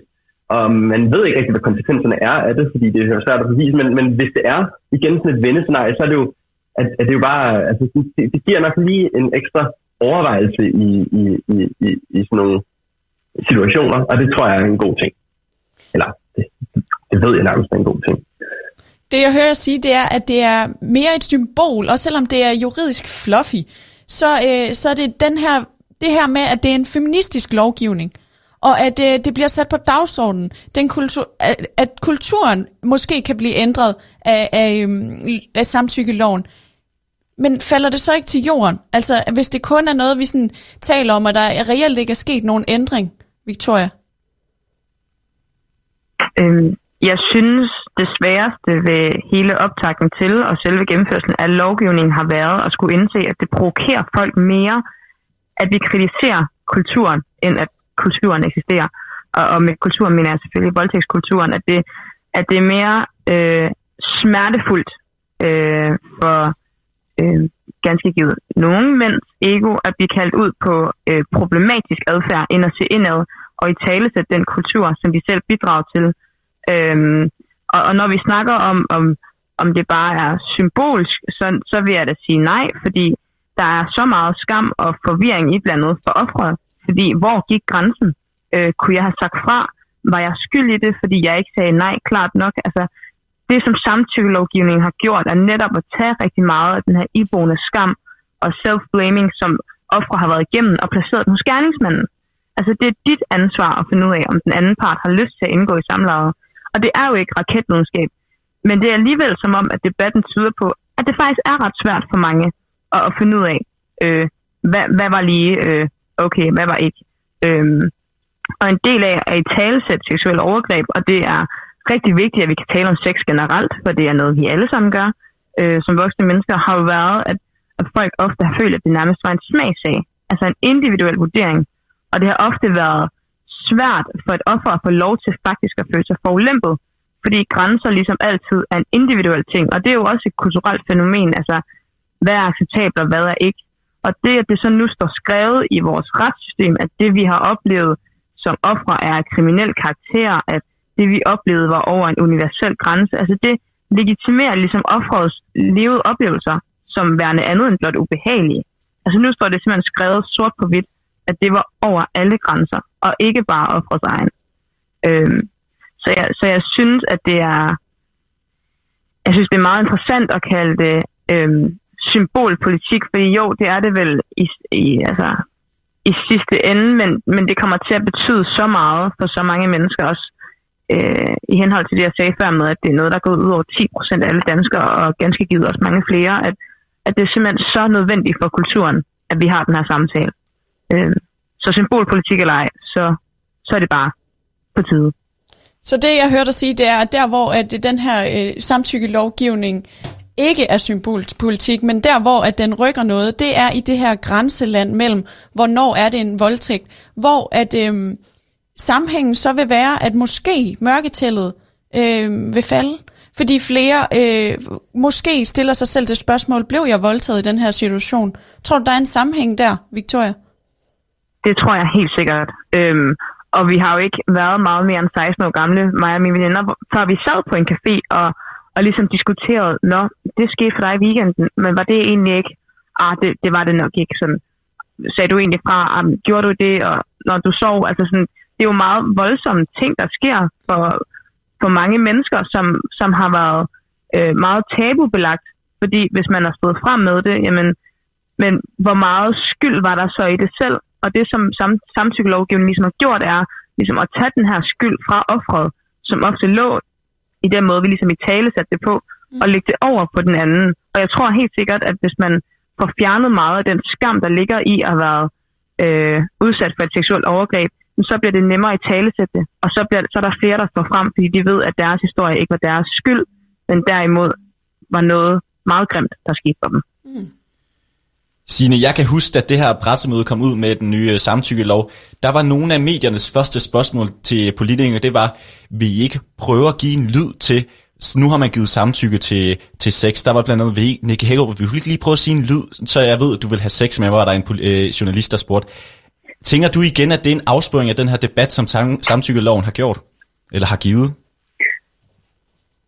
Altså, jeg tror, jeg, kan, jeg har, og, og det er sådan set, jeg havde en, en samtale med en, en mand i mit liv for ikke så lang tid siden, som føler sig meget øh, ramt af det her. Øh, og, og der er mit eneste svar bare, jamen, hvad, hvad gør det ved dig? Altså, hvorfor gør det dig så ondt bare lige at spørge? Altså, hvis du, hvis, og, og, og det er simpelthen det, jeg har så svært ved at forstå, hvorfor folk bliver så, altså, et eller andet føler sig så ramt af. Jamen, hvad, hvad er det helt præcis, du lige offrer vil bare lige at spørge? Absolut ingenting. Og, og, og det tror jeg bare, at det er sindssygt vigtigt at, at gentage, hvis, hvis det nogensinde kommer på tale igen. Så er sådan, okay, men lad os bare lige huske på, hvad er det helt præcis, du synes, du offrer ved, du bare lige skal spørge, om din kæreste har lyst til at have sex med dig, eller din gode veninde, som lige har mødt til en fest, øh, lige har lyst til at, at, at have sex. Altså, det, det tror jeg er en virkelig vigtig pointe at, at lige at, at holde fast i. Altså, at det er bare lige at spørge, du mister ikke noget. Du mister absolut ingenting, men du kan forhindre rigtig, rigtig meget. Øhm, og, og det er jo det er jo symbol i, i og med, at den, altså det, man reelt vil tage med i retten, øhm, måske ikke er, altså, det er jo ikke, det er jo måske ikke der, den største forskel ligger. Det er det, at vi har, vi har gennemført en lovgivning i Danmark, der siger, at det her, det vil vi ikke acceptere. Øh, og, og den her øh, skam over, den her tvivl omkring, hvorvidt det er okay eller ej, den er fuldstændig væk. Og det er den, fordi vi har lovgivet det. Øh, så, så om hvorvidt folk sådan decideret tager det med i retten eller ej, og bruger den her lovgivning, øh, er, er sådan set op, op til dig selv, øh, og op til offrene selv, men, men det vigtige ligesom er, at vi, at vi får ændret den måde, man taler om det på, og også at den virkelig, virkelig træls. Øhm, jeg ved ikke, om man vil kalde det kritik, men det der med sådan, okay, men hvad er så et ja, og sådan, er det sådan en særlig lyd, eller det, det, ja, jeg synes, man under, underminerer fuldstændig, hvor simpelt det er, bare lige at spørge, altså, du mister jo ikke noget som helst på det, øhm, og ja, det, det kan jeg godt blive ret irriteret over. Så det tror jeg er vigtigt lige at, huske hinanden på, at okay, men det er ikke så synd for dig, at du lige skal spørge, om vedkommende har lyst til at have sex med dig. Må jeg en kommentar til det? Ja, det må du gerne. Victoria Guldman. Også, ja, øh, jeg synes også, at det er ret skræmmende, hvor mange mænd, der egentlig har haft et problem med den her lovgivning, fordi er det fordi, man er bange for, at der falder nogle skelet ud af skabet? Altså er det fordi, man stiller spørgsmålstegn ved nogle, et, et samleje, man engang har haft, som man måske egentlig har indset, okay, det var langt over en grænse. Jeg spurgte ikke. Altså, er det fordi, at reglerne for et, et acceptabelt samleje ligesom lige pludselig er blevet rykket, og at der lige pludselig er mange mænd, der sætter spørgsmålstegn ved, at er jeg så, har jeg voldtaget nogen? Altså, og jeg synes, at, at det kan måske skabe en øh, forsvarsmekanisme, øh, som mm. siger, det, det er noget pis, det vil jeg ikke finde mig i, sådan, øh, jeg vil ikke se mine egne øh, dæmoner i øjnene, øh, men jeg synes, det er rigtig skræmmende, at der er så mange, særligt ældre mænd, som har haft den reaktion. Fordi, hvad er det så, du har gjort, siden du er så bange for den her lovgivning, ikke? Nu tager jeg lige en ny bold og smider ind i den her diskussion om, om grænselandet og misforståelser. Fordi når man føler sig meget ramt øh, i den her diskussion, har det så muligvis noget at gøre med vores øh, alkohol, alkoholkultur i Danmark? Fordi vi ved jo, at de danske unge er dem, der drikker allermest. Og når man er meget fuld, og man lige pludselig ikke kan huske, hvad der skete i går, og sagde og ja, og hvem, og lydende, og hmm, har det noget med alkohol at gøre, Victoria? Det er helt sikkert øh, et problem, der bliver amplificeret af, at øh, alkohol er en stor del af den måde, vi omgås på. Øh, jeg tror også, at det er der, der ligger rigtig meget tvivl øh, for ofre. Ofte fordi, hvad var det egentlig, det, der skete? Øh, og der tænker jeg for eksempel, at samtykkelovgivningen har den kraft, at den kan sige, prøv her, hvis du ikke var i stand til at sige hverken til eller fra, så var det ikke samtykke. Øh, så, så hele så, ja, og så på den anden side, som gerningsmanden, altså det han gjorde i fuldskab, jamen det var også en voldtægt. Også selvom at du var påvirket, så har du ikke, altså du har sat dig selv i en situation, hvor at du har, har gjort noget mod andre, og så er det jo faktisk rigtig ærgerligt, at du har været fuld, men du har jo stadig gjort det. Altså det er ligesom at sige til nogen, at, at de, det er mindre øh, kriminelt at røve en butik, fordi du var fuld, da du røvede den. Altså, ikke, altså det virker jo helt absurd ligesom at tage noget af, af skylden og, sådan, og realiteten ved alvorligheden i situationen fra, øh, når vi blander alkohol ind i det. Men jeg synes det er klart, at, at vores alkoholkultur har en, øh, en kæmpe øh, øh, indflydelse. Men som sagt, så foregår primært, øh, voldtægter foregår primært i hjem, altså i privaten, mellem venner, øh, mellem koner og kærester og, og så videre. Øh, så nej, jeg vil ikke mene, at vi kan skyden på alkoholkulturen og ændre den. Jeg tror da helt klart, at det er noget, der skal ændres indenfra.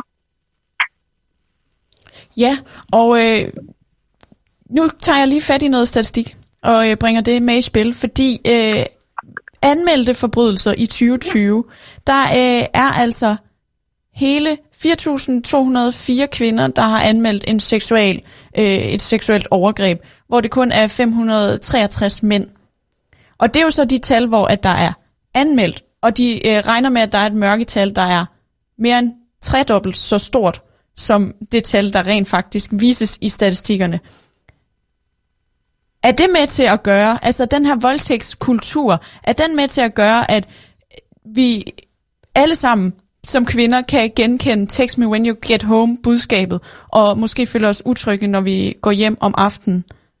Sine?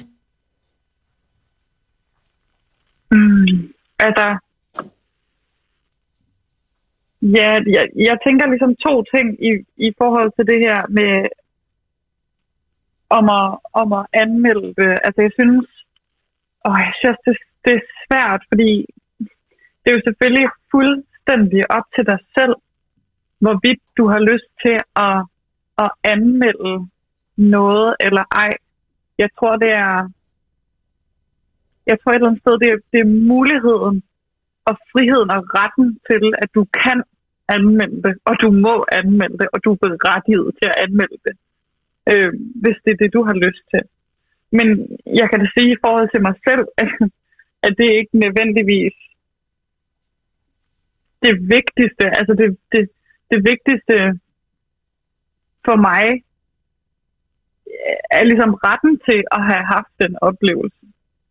Og retten til, at det her var en, det var en voldtægt. Det er den oplevelse, jeg har haft, og det, og det har jeg ret til at føle, fordi, fordi den her, det, det er sådan, det er, og det, og det er det, vi har accepteret nu, og det, det tror jeg faktisk på mange måder er det, er det vigtigste for mig, øhm, og som hvorvidt du anmelder det eller ej, det, det synes jeg på mange måder er, er helt op til individet, men jeg tror ikke nødvendigvis, at antallet af anmeldelser har, har nogen sådan specifik sammenhæng med, med om det er trygt at, at gå hjem om aftenen. Altså jeg tror, de ting hænger sammen. Og det er jo rigtig meget det, vi snakker om i dag, der hænger sammen. Det er der bestemt. Øhm, øh, når du siger... Og, og det er jo ligesom en, ja, når du siger, Signe, at, øhm, at for dig handler det om retten til at, at have lov at opfatte en, en bestemt oplevelse som en voldtægt, hvis noget har været over din grænse. Men der er jo tit i øh, som modsvar, som modargument til, til den ret, øh, man gerne vil have der, at hvad så med, med, med hvis nogen bliver dømt ulovligt, hvad, eller øh, uretfærdigt? Altså hvis en gerningsmand øh, faktisk ikke har voldtaget, men en, en, en offer påstår, at det var en voldtægt, og gerningsmanden så kan blive dømt øh, ulovligt på det, selvom det måske ikke juridisk kunne lade sig gøre. Hvad, hvad vil du svare til det, øh, til den påstand, Victoria? Øhm, jeg vil svare til den påstand, at der inden for alle øh, kategorier af kriminel aktivitet er nogen, der bliver dømt øh, uretfærdigt.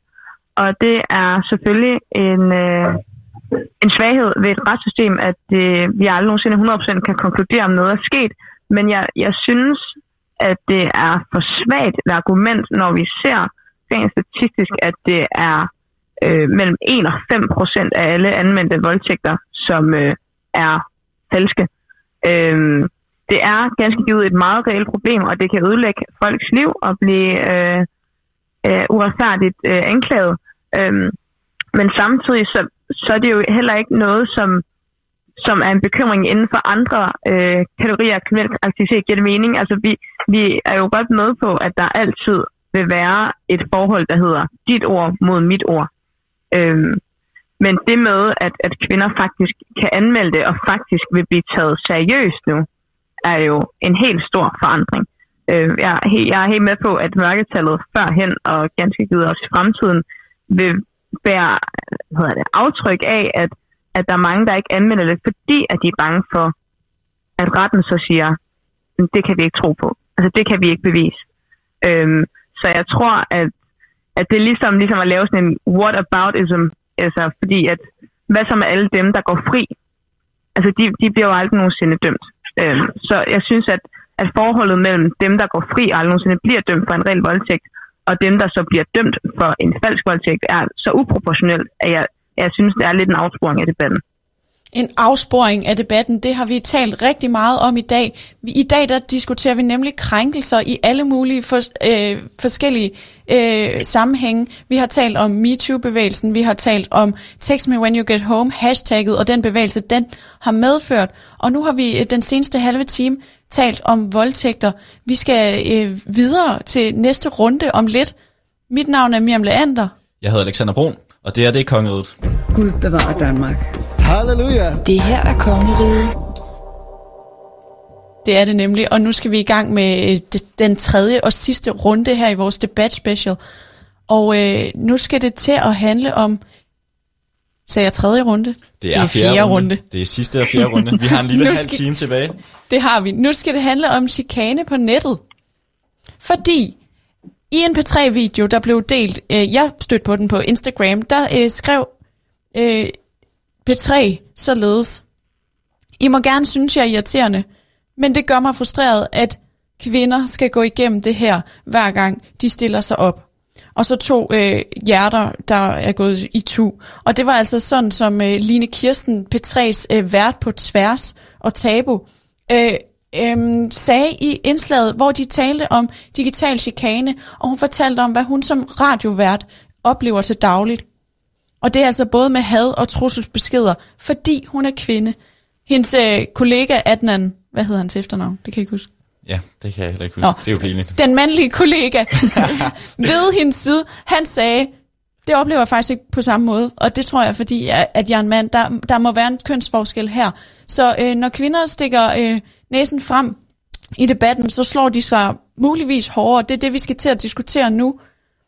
Og øhm, Ja, vi er jo så heldige, at vi har tre debattører med i, øh, i vores lille debatarrangement i dag, vores lille kongerede debatspecial, og vi har Victoria Guldmann med, som er læser statskundskab til dagligt, så har vi Signe Daggaard med, som er radiovært for radioprogrammet Nattely, og øh, så har vi samtidig også hendes medvært med, Julius Nikolajsen.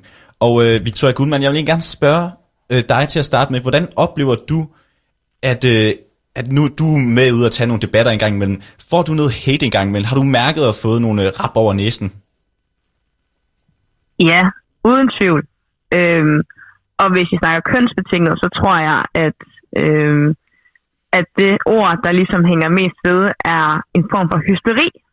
Øh, sådan noget ala kvindehysteri, øh, når jeg ligesom har en mening. Ikke? Øhm, og det er egentlig en sjov størrelse, fordi jeg tror generelt, altså hvor mange af de her helt igennem pilrådende kommentarer og beskeder, man får, når man ytrer sig, vil nogensinde se dagens lys, hvis de ligesom skulle formuleres verbalt. Altså jeg gad også godt se Bente 64 fra Hadsten sige alt det der til mit ansigt, ikke? Altså, øhm, så ja, jeg har fået nogle, øh, jeg har fået nogle ret spidse øh, beskeder, øh, og, og det tror jeg måske øh, bare er ja, en præmis øh, for at ytre sig om noget, der måske er lidt uden for status quo. Så ja, jeg har da klart fået nogle rap over nallerne øh, en gang eller to. Signe, nu laver dig og Julius jo et podcastprogram, der hedder Nattely, hvor I går meget i dybden med for eksempel følelser og sådan noget, men har du kunne mærke, at du har fået nogle flere slag, end Julius måske har fået? Jeg tror ikke, jeg reelt har fået det. Øh, men jeg tror, at sandsynligheden for, at hvis nogen af jer skulle få det, øh, så ville det måske nok øh, være mig. Og så, men, men det, jeg egentlig bider mest mærke ved, ved den her debat om digital chikane, for det er ligesom en ting. Øh, men den kønsbestemte digitale chikane, det er jo, det er jo et nyt lag.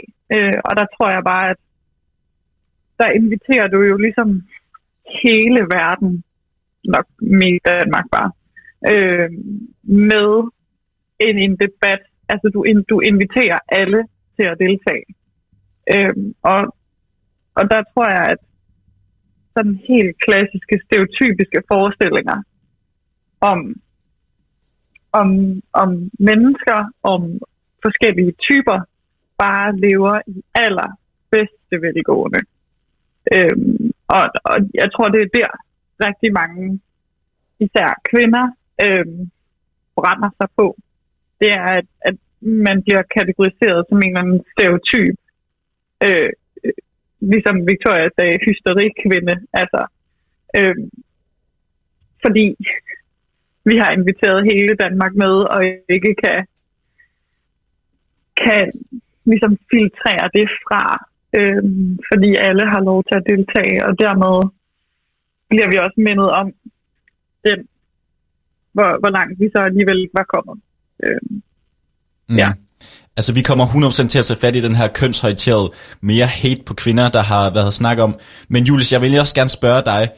Jeg ved ikke, om du har fået noget hate på internettet, men er du, nu hvor du er podcastvært, er du så meget bange for at få det? Er det noget, du har tænkt over? Hvad vil du gøre, hvis du nu fik noget chikane inde på nogle beskeder, noget, et eller andet, nogle anmeldelser måske? Øhm, jamen altså, hvis vi skal differentiere mellem køns, hvad hedder det, baseret øh, chikane og bare generelt chikane, så tror jeg, jeg har ikke overvejet, hvad jeg vil gøre, eller om, jeg, om det overhovedet var en mulighed, at jeg skulle få hvad hedder det, um, kritik eller chikane på baggrund af mit køn, som stiller sig frem og har en holdning til ting, eller bare siger ting, der, der, der, der ligger på internettet, eller på radiofoniske frekvenser. Men, men, men ja, men altså, jeg er, da, jeg er da virkelig bange for at få chikane, fordi vi må da ikke øh, underkende, at at vi laver radio på, på et af de mest øh, forhatte medier, hvis ikke det mest forhatte medie i, øh, i, i hele medielandskabet, ikke? Altså, mm. hvor at, øh, altså, hver, hver, altså, hver enkelt fejl, det, det bliver bare forstærket øh, på øh, Medie Danmark Twitter. Øhm, og ja, der har, jeg har da, mit ansigt har der også været brugt i nogle memes, øhm, der har været sådan anti-loud, og, og det, der har jeg da været, der har jeg da følt mig ramt. Men jeg ved ikke, om det er noget, vi skal gå ind i den her debat. Men, men, men, men altså, Øh, der er ingen grænser. Ja, du må gerne, meget, jeg, gerne tale om jeg, jeg har overvejet meget, hvad jeg skal gøre, hvis, hvis vi får sådan direkte sådan had til loud igennem vores podcast for kritik igennem det. Mm. Men altså, det har vi ikke prøvet endnu. Øh, jeg har ikke overvejet overhovedet baseret på mit køn, øh, at, at, at jeg skulle få chikane på baggrund af det. Så, altså, der, der lever jeg jo mine privilegier. Hmm. Ja, altså hvis vi lige skal prøve at differentiere mellem øh, den her debat, fordi det er en todel debat, den her med digital chikane, ja. der øh, haver i Danmark lige nu, eller haver, den øh, bevæger sig. Mm. Øh, fordi først så øh, startede Line Kirsten øh, på B3 med at i talsætte det her, og det var i forhold til sit eget køn, og det har måske øh, fyldt meget i vores generations del af debatten, hvor øh, en helt anden spiller øh, kom ud og, var, og tog del i debatten også. Og det var øh, Puk Elgård oven på hendes opslag. Ja, der er gang i Puk Elgården PT. Fordi på hendes Instagram, hvor hun op, øh, lavede det her opslag om, at mænd skal tale pænt. Nej, om at mænd gør Vi skal det godt. hylde mænd. Vi skal hylde mænd, fordi de gør det godt. Mm. Vi skal hylde de mænd, der gør det, taler pænt og opfører sig ordentligt Ja. og ikke krænker. Så fik hun altså øh, en hel del øh, kritik fra øh, måske mange på vores alder. Jeg, jeg må sige, jeg var selv inde og, og svare på hendes story. Det samme med, jeg må også sige, i forhold til den chikane, måske Puk har oplevet, det er måske mere at komme i den her med, hvis hun havde sagt, øh, sagt undskyld, der tog jeg fejl af debatten, det var for tidligt, jeg gjorde det, så tror jeg ikke, der er vel nogen, der vil tænke, det, det er fair, Puk, sådan det kan ske, det kan være lige tidligt, du tog en afspørgning af den debat, men jeg tror, det var mere på den måde, hun kom ud og sagde, sådan her har jeg følt det bagefter. Men det gjorde Puk altså ikke. Hun står stadig ved, hvad hun mener. Og øhm, vi kan også godt forstå på Puk efterfølgende, at øh, det er selvfølgelig ikke lutter pæne beskeder, hun har fået tilbage. Nej. Og hun har fået rigtig mange øh, øh, hate-beskeder. Og hun er så ude at sige, sikkert et stormvejr, jeg kunne rejse på så kort tid med, med noget, der var gjort øh, med et godt hjerte. Mm. Og, øh, og det har så affødt endnu en øh, bølge i den her øh, digital chikane øh, snak, fordi der er blevet skabt et hashtag, tal pænt. Mm. Og tal pænt, det bliver så både brugt af den måske mere øh, yng, den yngre generation, jeg vil ikke kalde den den Vogue-generation, det må jeg ikke for dig, Alexander nej, nej. øh, hvor, hvor, det, hvor der bliver refereret til Line Kirsten, men der er også sket det, at Tal Pænt har bredt sig øh, i, i en anden generation. Mm. Blandt andet vores statsminister var også ude efter øh, Puk Elgårds øh, opslag, Ja, de har jo nærmest samtlige inde på borgen været inde og få nogle billige point om at og lige at sige snakke med tal, det her. hashtag ja. tal pænt. Mm. Så den er, den er todelt. Og igen, der vil jeg vende tilbage til, når vi taler om de her feministiske bevægelser, der har været det seneste år, er der så et skæld mellem generationerne? Viser det sig også i øh, den her debat om digital chikane? Ja, det er jo der, vi begynder at snakke om den her kløft igen. Lad mig spørge dig, Victoria Guldmand, først. Øhm, ja, jeg kan jo, det er jo svært at være uenig i, at man skal tale pænt, uanset øh, alder og generation. Øh, min oplevelse er faktisk, at det særligt er de ældre generationer, øh, der godt kan være lidt grove i tonen. Jeg har en lille anekdote selv. Øh, vi engang var medlem af sådan en lille, sjov, hyggelig øh, Facebook-gruppe for øh, primært ældre sprognørder, øh, men så var jeg også lige med. Øh, og så en dag opdagede jeg, at de havde gevaldigt meget space med N-ord og at lave racistiske jokes. Øh, og så uforstående spurgte jeg ligesom, hvorfor, og det skulle jeg bare aldrig have gjort. Altså, jeg blev simpelthen havlet ned. Altså, jeg var uvidende og infantil og virkelighedsfornægtende og naiv og krænkelsesparat. Altså, næsten grænsende til perverst politisk korrekt, ikke? Øh, og det var simpelthen 120 øh, fortrinsvis ældre mennesker, og her snakker vi 50 plus, øh, som nåede på meget få minutter, måske maks en time, ligesom at tilkendegive deres meninger og holdninger til og om mig. Øh, jeg gad godt have set dem forsamlet i en sal, hvor de ligesom skulle fortælle mig, hvad de havde på sinde. Altså havde de så stået og skrabet i munden på hinanden som en flok hyæner. Øh, men, men jeg synes egentlig, at man ofte ser ældre mennesker tale grimt på nettet, og det er jo ikke det der med at tale pænt, det er jo ikke noget, man kan være uenig i. Altså selvfølgelig skal vi tale pænt til hinanden.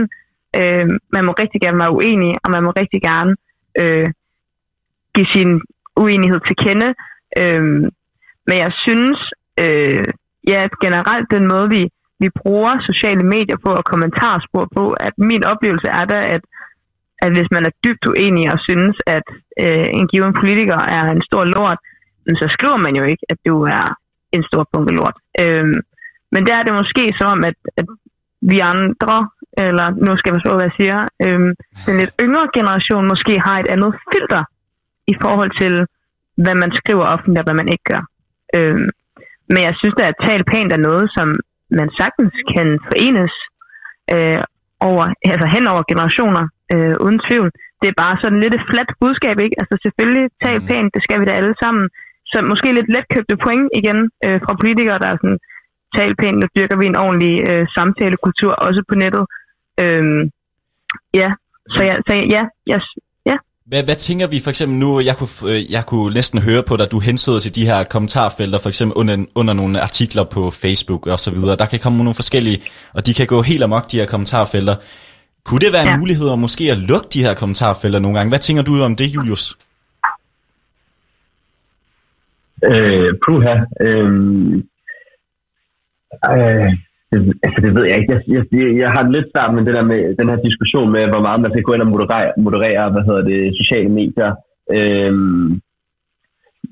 øh, jeg, jeg tror bare, man skal lade være med at lægge så meget i Facebook-kommentarspor. Jeg tror, man sådan, mere- altså, jeg tror ikke, man, man kan komme udenom, at internettet giver plads til super mange mennesker, der kan lave falske profiler og give deres meninger til kende på en eller anden måde og gange hinanden op. Jeg tror bare, vi skal holde op med at have et, øh, Øh, et politisk Danmark og et medie Danmark, som reflekterer danskernes holdninger i Facebook-kommentarspor, fordi det afspejler på ingen måde øh, nogen virkelighed. Så jeg tror, øh, jeg tror ikke, vi vinder noget ved, hvis vi begynder at gå ind og moderere Facebook-kommentarspor. Jo, altså, jeg kan godt se pointen i, at øh, Jyllandsposten og alle de andre, de, de, de har deres øh, copy-paste kommentar, de smider ind, når, når, altså, når Carsten fra Esbjerg, han lige bliver lige lidt for hård i tonen. Øh, men, men, men, men altså, at vi skal sådan direkte gå ind og lovgive omkring, hvad, hvad man må skrive, hvad man må ikke skrive, det, det, altså, jeg ved ikke, hvor meget det ændrer i det store hele. Altså, det, det, man, kan, man kan fjerne en masse had på den måde, men øh, jeg tror ikke, det, det, det ændrer så meget. Jeg tror bare, vi skal holde, altså, Mm. ja, med de der Facebook-kommentarspor. Øhm, altså, Men nu- hvis vi bare lader være med at give dem så meget opmærksomhed, så er der jo ikke nogen, der vinder noget. Altså, sådan, det er jo, altså, det er jo tidsrammen af, hvad, af menneskelig kontakt. Nu nævner du selv øh, Pisranden og øh, Karsten fra Esbjerg. Nu skal vi ikke hate for alle på Karsten, eller alle. Nu skal vi ikke hate på alle Karstener fra Esbjerg. Nej, undskyld, undskyld, nej, nej, undskyld. det, nu tager jeg den med videre selv. Men jeg kunne forestille, jeg ved godt, hvilken stereotyp du prøver at ramme. Og øh, det er jo den her digitale tidsælder, de måske har fået ind på Facebook. Og øh, en af de steder, de også har kunne have haft mulighed for at skrive, det er Nationen på Ekstrabladet.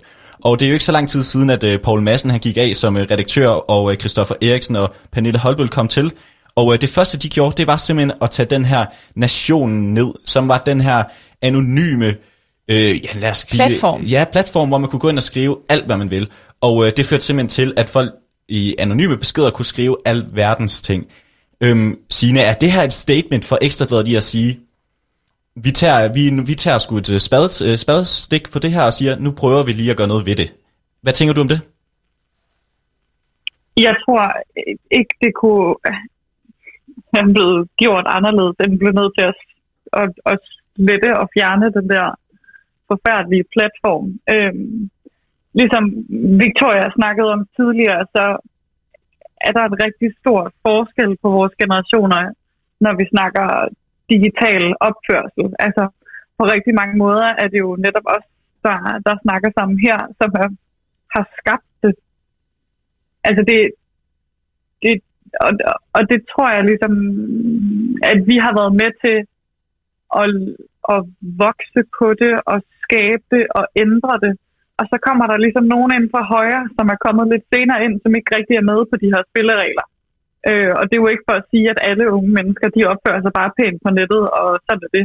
Fordi det ved vi jo alle sammen godt, det ikke passer. Øh, men, men jeg køber rigtig meget ind på, at det faktisk i langt højere grad er de ældre generationer, som ikke kan finde ud af at opføre sig ordentligt på internettet.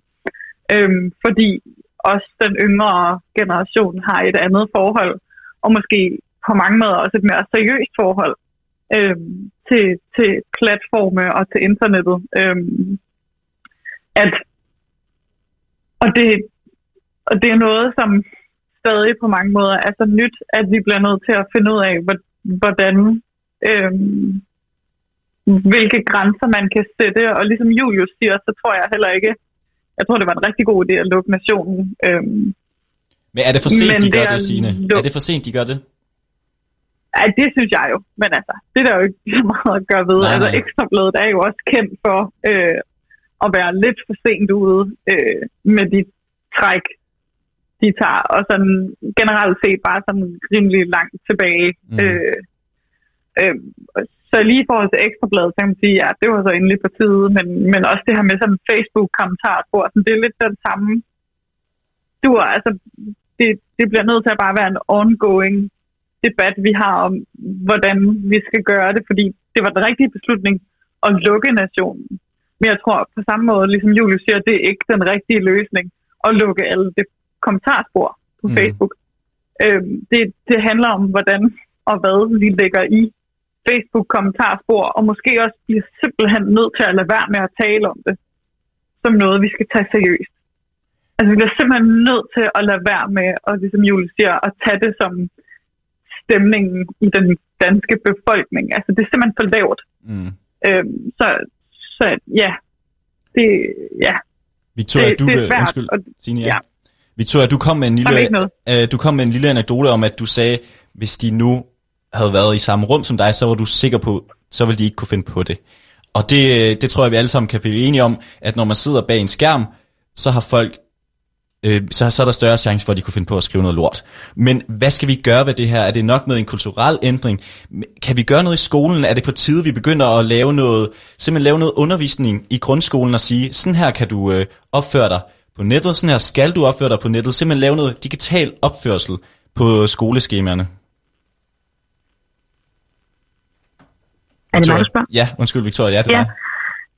Øhm, altså lige i forhold til nationen, øhm, så kan jeg faktisk egentlig godt forstå, hvad de mener, når de information skriver, at det er positivt, at de lukker, men det er ligesom også et symptom på en kedelig udvikling, der indebærer, at danske medier i stigende grad lukker ned for fri debat og kritik. For det er jo netop det, vi lærer i skolen. At det er vigtigt, at der er plads til alle, og ytringsfriheden er ligesom en af grundstenene, som øh, landet er bygget på. Øhm, men, men forskellen på for eksempel nationen og debat generelt er jo, at, at nationen jo ikke var et debatforum, sådan som vi lærte i folkeskolen. Altså det var jo netop bare ren hadsudspygelser. Det var ofte med folks køn, eller religion, eller etnicitet, handicap osv. Øh, for skud. Så det er ligesom alt sammen i forvejen marginaliserede mennesker, som altså nu skulle de bare have, skulle de ikke med hele armen og lidt til. Så en stor losseplads, hvor folk ligesom læser alt det had af, som de ikke må sige ude i virkeligheden. Og det tror jeg bare ikke er repræsentativt for, hvordan vi andre taler med hinanden. Altså jeg tror virkelig på, at, at det er en meget speciel øh, niche øh, og en lille flok øh, ytringsfrihedselskere, der sidder derinde. Øh, I mine øjne handler ytringsfriheden jo ikke om, at man bare skal brække ord ud for at gøre det. Det handler vel om, at vi alle har ret til vores holdninger og meninger. Øhm, jeg kommer aldrig til at kunne forstå behovet for ligesom at udspy galle og sprede så meget altså grov had og ligesom opildnelse, splittelse og konflikt. Øh, og det sker jo alt sammen i fællesskab med en flok ligesindede anonyme, mm. undskyld med sprog, spadere, øh, som dem, der ligesom plejede at husere Ekstrabladet, som jeg i øvrigt ikke har videre imod. Øh, men jeg tror klart, at, øh, at den generation, der kommer efter os, øh, kommer til at tale til hinanden på en helt anden måde. Og jeg tror også, at de holdninger, der er blevet givet udtryk for, for eksempel øh, på Nationen og diverse Facebook-kommentarspor, simpelthen er ved at uddø. Øh, og det er måske øh, meget naivt af mig at tænke. Øh, men jeg tænker da, at, at mange af de ting, som i dag er acceptable at sige, bare generelt kommer til at forsvinde fra vores sprog. Og jeg tror, vi øh, bliver bedre til at, at acceptere hinanden og respektere hinanden helt sikkert. Øh, i folkeskolen, jeg tror helt sikkert på, at der skal være mere fokus på digital opdragelse. Øh, og det kan både være i folkeskolen og derhjemme. Jeg tror helt sikkert, at jeg kan huske det fra, da jeg selv var ung teenager, at min opførsel på nettet overhovedet ikke blev øh, monitoreret af nogen øh, øvre instanser, hverken forældre eller lærere eller noget. Øhm, så jeg er helt sikker på, at, at sociale medier bare er ligesom, det kunne godt hurtigt blive en, en steppeild. Så jeg synes, det er svært at, at gøre andet end ligesom at, og ja, måske tage det i optrækket. Jeg synes, det er svært at sige, når man ikke selv er vokset op som helt lille barn med sociale medier, øhm, hvad der præcis skal ske i folkeskolen, men klart, at, at digital opdragelse bliver en del af fremtidens måde at opdrage børn på, og, sådan, og det kommer til at afspejle sig i vores fremtidige samtalekultur. Mm. Det tror jeg. Julius, her kort. Øhm, kunne du tænke dig, at du havde haft digital opførsel på skoleskemaerne i folkeskolen? Eller gymnasiet. Eller gymnasiet?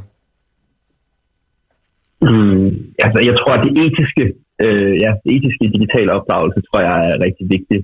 Jeg, jeg tror, at man skal passe på med at, at, at, at sige til børn og unge, at de sådan skal lære, hvordan de bruger det digitale miljø, fordi at det er jo noget, de reelt selv skaber, og på den eller anden måde ved meget mere om, end, øh, end den ældre generation. Jeg vil næsten være så fræk at sige, at måske skulle vi have en, altså en yngre generation, der snakker med deres forældre om, hey, hvordan bruger du internettet? farmor, hvordan bruger du Facebook? Er du meget inde på, på Nationen eller alle mulige Facebook-kommentarspor? Hvordan kommenterer du folk, hvis du indgår i de kommentarspor?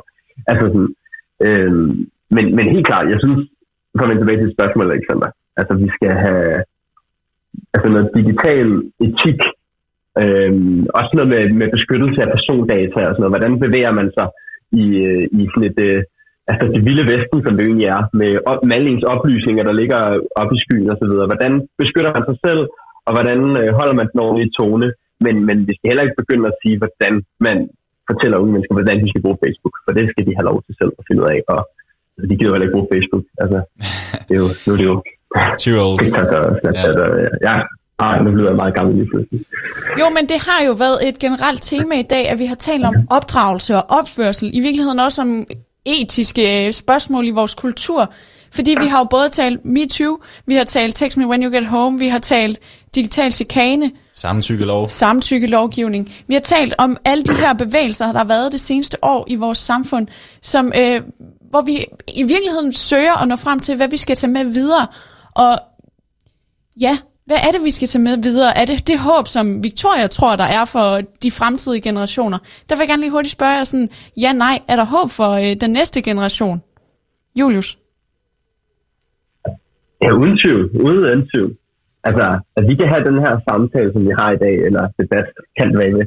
Øh, det, det, det er jo det tydelige udtryk for, at, at der er et behov, og der er en lyst til at, til at ændre på kulturerne. Så altså, der er mere end håb. Der er, der har, der, vi har, der er allerede masser af grundsten ude, øh, før vi kan bygge videre. Det er ikke bare sådan et, øh, et, et fjernt håb. Det, er, altså, vi, er, vi er bare på vej derhen lige nu. Øh, men der, er- der er lang vej nu, og det, og det kræver mange kampe, og, og, og, og ja, det, altså, Victoria? Ja, det, jeg glæder mig til den dag. Tak, Julius. Kæmpe ja. optimisme. Victoria, hvad siger du? Er der håb for øh, den næste generation? Der er kæmpe håb. Jeg øh, jubler og hejer på øh, min søde lillebror, der går i 9. klasse, og, øh, og bare er så meget mere åbensindet og uddannet om andre mennesker, der ikke ligner ham selv, end, øh, end de fleste mennesker egentlig er.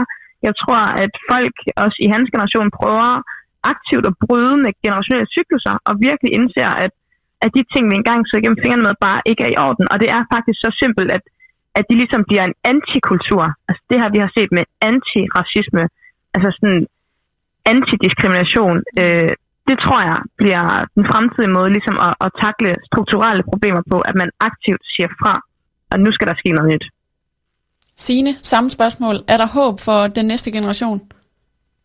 Jamen altså, jeg er jo enig med de to søde mennesker. Altså, det, der er ikke andet end håb, og, og ikke for at være sådan gammel klog og klappe mig selv på skulderen, men jeg kan heller ikke lade være med at tænke sådan, åh, hvor er det også bare dejligt at vide, at alt de lorte ting, som mig og rigtig mange andre mennesker, især kvinder, skulle gå igennem i folkeskolen og i gymnasiet, har udsigt til at stoppe. Altså, og måske endda dem, der går i folkeskolen nu, ikke kommer til at opleve de samme ting.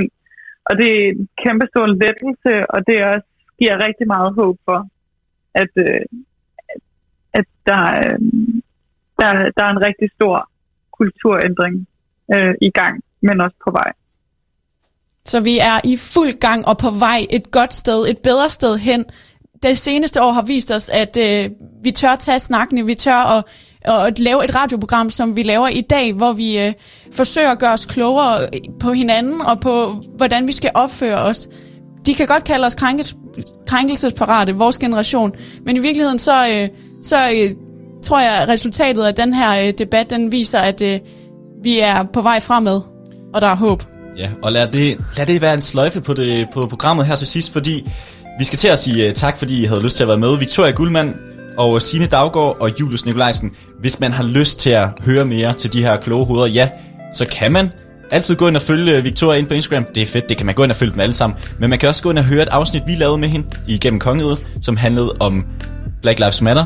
Og hvis man har lyst til at høre mere til Signe Daggaard og Julius Nikolajsen, ja, så skal man gå ind og høre deres gode øh, program ind på Radio Loud, der hedder Nattely. Og øh, Miriam, det er jo simpelthen også øh, Vi sidste er ved gang. at være ved vejs ende. Vejs ende. Vi er to timers god radio. Og øh, Det har været vores øh, to vika- vikardage her i, øh, i helligdagene. Vi siger tak, fordi vi fik lov at holde mikrofonerne. Det har været fantastisk. Ja, og hvis man har lyst til at høre mere til os, det håber man, det har, I har, jamen så kan man gå ind og høre Kongeriget ind på alle dine streamingstjenester. Det kan man i hvert fald. Og øh, Miriam, hvad siger vi? Vi siger god påske, og tak for nu. Mit navn er Alexander Brun. Jeg hedder Miriam Leander.